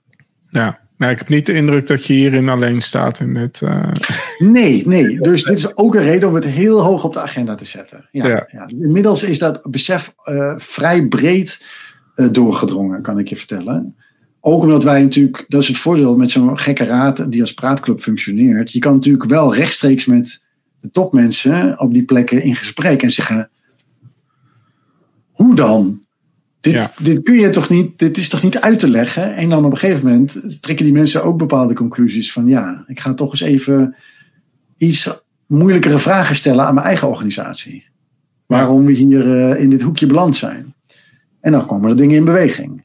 Maar dat is natuurlijk allemaal achter de schermen. Daar ga je geen eh, stukken over publiceren. Nee, nee, snap ik. Nee. Oké, nou, we gaan, we, ik ben benieuwd. Ik denk dat, eh, dat, er, eh, dat het inderdaad op verschi- vanuit verschillende hoeken dit signaal wel uitkomt her en der. Dus dat, ja, je zou verwachten dat er, dat er misschien iets in beweging komt dan, wellicht. Ja, En, ehm, en, en jij? Blijf je nog eh, jarenlang eh, lekker hoogleraar eh, in Delft? Ja wat- jeetje, is een hele erge gewetensvraag, Erik. Wat een, Ja. een soort beschouwende, afsluitende vraag, heb ik de indruk. Nou ja, Ehm, kijk, ik, ik, ik, ik, de, de reden dat ik erop kwam, ik, ik, ik, ik vraag me af als je nou, nou bijvoorbeeld Marietje Schaken ziet en in, in, in, eh, aan Stanford bezig ziet, is, benijd je dat dan? Of eh, denk van nou, eh, laat mij maar lekker op mijn fiets door Delft heen rijden? Oh, mijn Stanford. Nee, ik heb, ik heb in de, toen ik nog niet in de cybersecurity zat, heb ik wat tijd in Berkeley doorgebracht. Ben ik ook nog wel eens naar Stanford gereden om eens met iemand te praten. Dus ik ken die wereld een beetje. Het is fantastisch in allerlei opzichten. Maar ik hoef er niet heen. Ik, Nee. eh, ja, nee, dus, dus die, die behoefte heb ik niet. Ik, ik, ik zie mezelf als een collega van Marietje Schaken op een bepaalde manier. En zij heeft een hele interessante en indrukwekkende track record. Dus ik wil mezelf niet op die manier met haar vergelijken. Maar ehm, meer, zij werkt nu aan de universiteit. Zij probeert na te denken over eh, problemen op dit terrein. En daar zinnige dingen over te zeggen. Nou, dat doe ik ook. Op een iets andere manier. Met iets meer data eronder misschien dan zij doet. Maar zij heeft weer andere eh, dingen te bieden. Dus dat benijd ik niet. Want dat is eigenlijk de baan die ik nu heb voor mijn gevoel. Ja. Ja, het weer is wat beter in Stanford dan in Delft. Oké, fair enough. Maar eh, verder eh, zit ik lekker hier. En ik hou, dat weet je, uit het begin van ons gesprek eh, erg van mijn fiets. Dus Ja, laat mij maar lekker op mijn fiets. Ehm, maar ja, ik denk natuurlijk wel eens, oké, ik zit nu 27 jaar en nog wat aan de TU Delft. Mhm. En als ik, alleen als ik dat getal noem, dan, denk ik, dan heb ik het gevoel dat ik iets uit te leggen heb. Dat, dat, ik, dat, ik, dat, dat, dat er een soort probleem is wat ik moet, moet, moet, wat, dat ik mezelf moet verdedigen. Nou goed, ik doe dit werk met heel veel plezier. Maar ja, ik vraag me ook wel eens af, is het niet op een gegeven moment klaar? En moet ik gewoon eens een keer wat anders gaan doen? Misschien wel wel in de cybersecurity, eh, maar bijvoorbeeld bij een bedrijf ja, eh, of bij een overheid of zo. Dus ja, die, die, die vraag is voor mij nog open. Daar denk ik regelmatig over na. Ik doe dit nu een hele tijd. En dat gaat heel goed. Dus dat is een prachtig team waar ik super trots op ben. Waar ik elke dag met plezier eh, mee zit te sleutelen aan die onderzoeken. Maar ja, ik heb wel bepaalde rondjes al heel vaak gelopen, zal ik maar zeggen. ja, Dus moet ik nog een ander kunstje gaan doen, eigenlijk? Dat is mijn vraag. En ja, als je die vraag stelt, dan lijkt het antwoord onomkombaar ja te zijn. Maar vervolgens doe ik dan nog niks. Dus ik weet niet precies waar, dat, het is niet evident wat dan precies. Nee. Nee, precies. Dat is een van de dingen. Als ik dan kijk naar wat voor opties er zijn. Ja, er zijn opties. Eh, maar bijvoorbeeld de consulting zou ik in kunnen gaan. Nou, dan denk ik, doe je gewoon slechter onderzoek voor meer geld. Ja, nou goed, Ik heb aan geld geen gebrek. zijn, maar nee. Maar ik, de hoogleraren zijn niet armoedig. Dus eh, ik, ja, nee, dat, dus dat trekt me niet. Ehm, de overheid, ja, allerlei dingen waar ik me aan de universiteit bij over erger qua bureaucratie. Dat is bij de overheid nog een factor eh, groter. Eh, maar om me dan een, misschien een, een, een iets ander voorbeeld te geven. Wij hebben een programma samen met de AIVD. En ik loop één dag per week bij de AIVD rond. Dus ik ben eh, daar als een soort halve medewerker eh, gedetacheerd vanuit de TU. Dat vind ik wel een hele interessante omgeving. En het heeft een aantal echte dingen die anders zijn. Bijvoorbeeld dat maar ik, voor mijn gevoel word ik heel erg geleefd door mijn agenda. Dat is Mhm. daar niet. Die mensen die leven in een soort 1998 qua IT Ja, ja. in hun organisatie. Niet, niet qua hun IT capabilities. Er zitten supergoeie hackers en mensen die supergoed zijn. Maar de bedrijven, omdat zij natuurlijk allemaal hele risicomijdende keuzes maken over hun eigen IT, want het moet ondenkbaar zijn dat, je, dat zij gehackt worden, hebben zij een hele andere bedrijfscultuur qua, eh, nou ja, qua omgangsvormen. Ze zijn natuurlijk sowieso relatief gesloten, want ze kunnen niet met iedereen leuk kletsen over wat ze allemaal aan doen zijn, wat wij nu aan het doen zijn. Ja. Zij hebben geen podcast-serie, zal ik maar zeggen. Nee.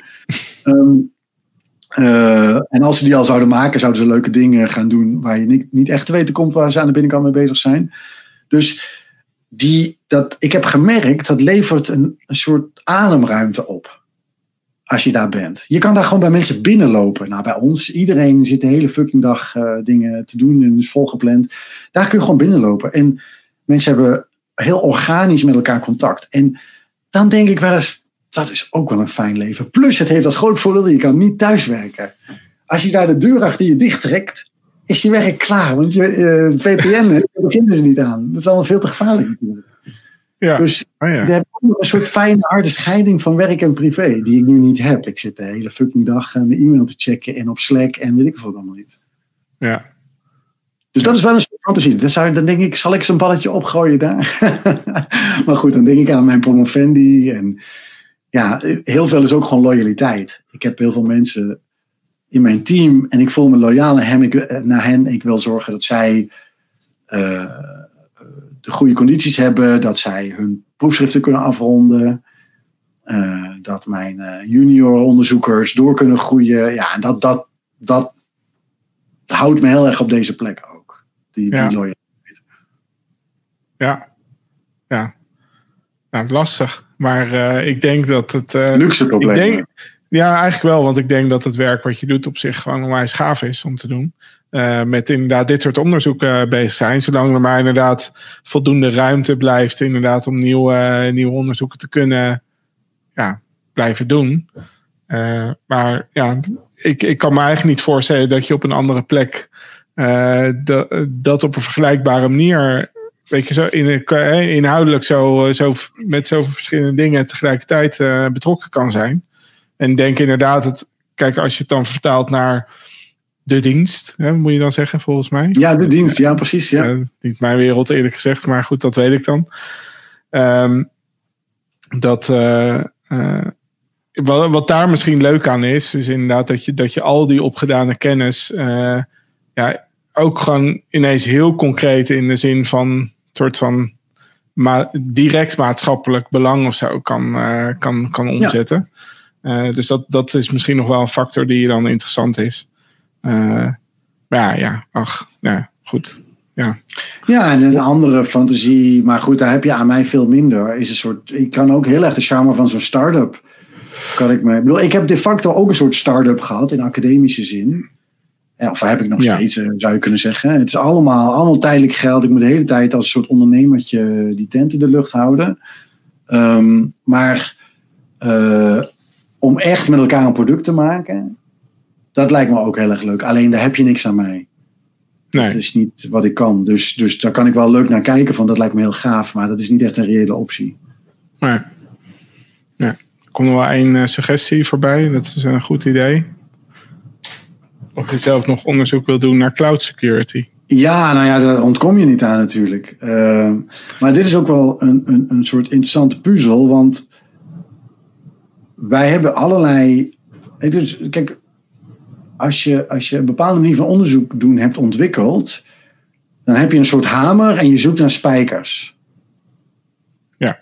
En cloud is geen spijker. Dus je kan er wel met onze hamers op slaan. Maar dat heeft niet echt heel veel effect. Dus ik we moeten daar echt. Ja, precies. Ja, ja. Ehm, dus ik moet daar, wij moeten als team innoveren wat wij precies kunnen observeren over cloud en security en wat daar precies aan de hand eh, is qua vragen.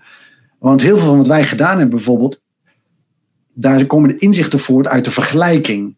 Dus wij, wij hebben bijvoorbeeld onderzoek, daar hebben we vijf, we- gewoon alle hosting providers in de wereld geprobeerd te, te, te, te identificeren. 45.000. En dan kun je allemaal eigenschappen, kun je grootschalig geautomatiseerd aan die providers toewijzen. Hoeveel IP-adressen hebben, hoeveel domeinen draai je daar, wat voor software draait je op die servers. Kun je allemaal, allemaal scannen. Je, je, bouwt een paar stofzuigers, die halen het hele internet op. En dan heb je daar data over. En dan kun je hele interessante vragen gaan beantwoorden, omdat je die bedrijven kan vergelijken met elkaar. Maar met cloud is er niet zoveel te vergelijken. Het is allemaal, allemaal een steekproef van één. Je hebt één Amazon, je hebt één Azure, je hebt één, eh, nou ja, wat, wat is de nummer drie? Google of zo. Eh, dus ja, daar kunnen we wel dingen over observeren, wat er zich afspeelt in die infrastructuren. Ehm, en daar gaan we ook zeker iets aan doen, maar ik heb daar nog niet goed grip op op dit moment. Wat zijn nou de vragen die wij kunnen oppakken daar? Ja, Ehm, ja, dus dat is voor ons nog een soort onopgeloste eh, zwarte of witte vlek. Eh, ik weet dat we daar, eh, dat het, de, de belang ervan is evident. Dus wij moeten daar meer ehm, eh, grip op krijgen qua, qua empirisch onderzoek, qua observaties. Maar ik weet nog niet hoe. nee. Ja, Waarschijnlijk ben ik ook niet degene die dat gaat verzinnen. Ik ga, ga dan eh, wat jong talent hebben in de groep. En die denken op een gegeven moment die dinosaurus van Veneten. Die eh, negeren we even. We gaan even dit en dat doen. En dan leggen we later wel aan hem uit dat het belangrijk is. Ja. Daar hoop ik eigenlijk op. Met zijn IP-adressen en zo. Dat is allemaal Ja, wel precies. belangrijk. Ja, en zijn AS eh, en zijn hosting providers. Wie de fuck heeft nog hosting providers, man? Ja. Houd toch op. Ja, gewoon een Azure function. Nee, ik, eh, ja, ja, ik, ik hoop eh, dat. Kijk, we, wij hebben dan nu een, eh, een, een tool gemaakt. Ja, dat beschreef ik hè, voor het MKB. Nou, en dan hoop ik dat we vooral heel veel MKB'ers inderdaad gewoon van dienst kunnen zijn. En inderdaad vanuit, vanuit het perspectief dat niet iedereen continu gehackt wordt. maar misschien zich wel daar zorgen over maakt. Dat ze daarbij dus vooral kunnen helpen. Dus gewoon die zorg weg te nemen. En, ehm, eh, maar tegelijkertijd eh, hoop ik dat, eh, dat ons dat dus een soort van eh, positie geeft om voor een hele hoop bedrijven tegelijkertijd gewoon wel te zien wat er gebeurt. Weet je, in Ja. hun cloud. Hè? Dus dan is het perspectief niet zozeer de cloud provider, maar meer gewoon de gebruiker van De de, cloud. Ja. Waar, waar komt die, waar loopt die tegenaan? En ja, ik, ik zie er ook wel naar uit dat het inderdaad dus er op een gegeven moment zoveel zijn. Dat je, want ik, ja, de MSP's waar ik voor heb gewerkt tot nu toe, de Managed Security Service Providers, ja, die hebben eh, een eh, aantal tientallen eh, klanten. Laat het er een paar honderd zijn. En dat is het dan. Ja. En, en ja, dan heb je aan daar. En dan zijn ze ook al zo verschillend van elkaar, al die klanten, dat, dat je ook het eigenlijk niet goed met elkaar kan vergelijken. Ja, En, eh, ja. En straks hoop ik dat, je, en dat, we, dat we gewoon zo'n grote eh, klantenbase hebben, dat, dat we wel dit soort. eh, eh, ja, dat zou super Ja, gaaf zijn. Dan, dan kom ik graag nog een keer langs. Want ja. het is heel boeiend om daar eh, qua onderzoek naar te kijken. Hè. Welke MKB'ers te maken met eh, eh, daadwerkelijk account takeover of, of wat voor Ja. serieus terechtkomen. Ehm, eh, zijn er correlaties tussen de problemen en de instellingen die ze hebben Ja. gekozen? Hè, dus we, we roepen met z'n allen dat ze twee-factor authenticatie aan moeten zetten. Oké, maar wat, wat is daadwerkelijk de risicoreductie die je daardoor krijgt? Dat kun je op een gegeven moment Ja. gewoon kwantificeren. Ja. Hè, dat hebben we voor. Ja, eh, nu- ik Nu kan Microsoft dat alleen. Ja, en dan moet je normaal, inderdaad maar aannemen dat ze, dat ze het eh, correct eh, doen. Ja, klopt.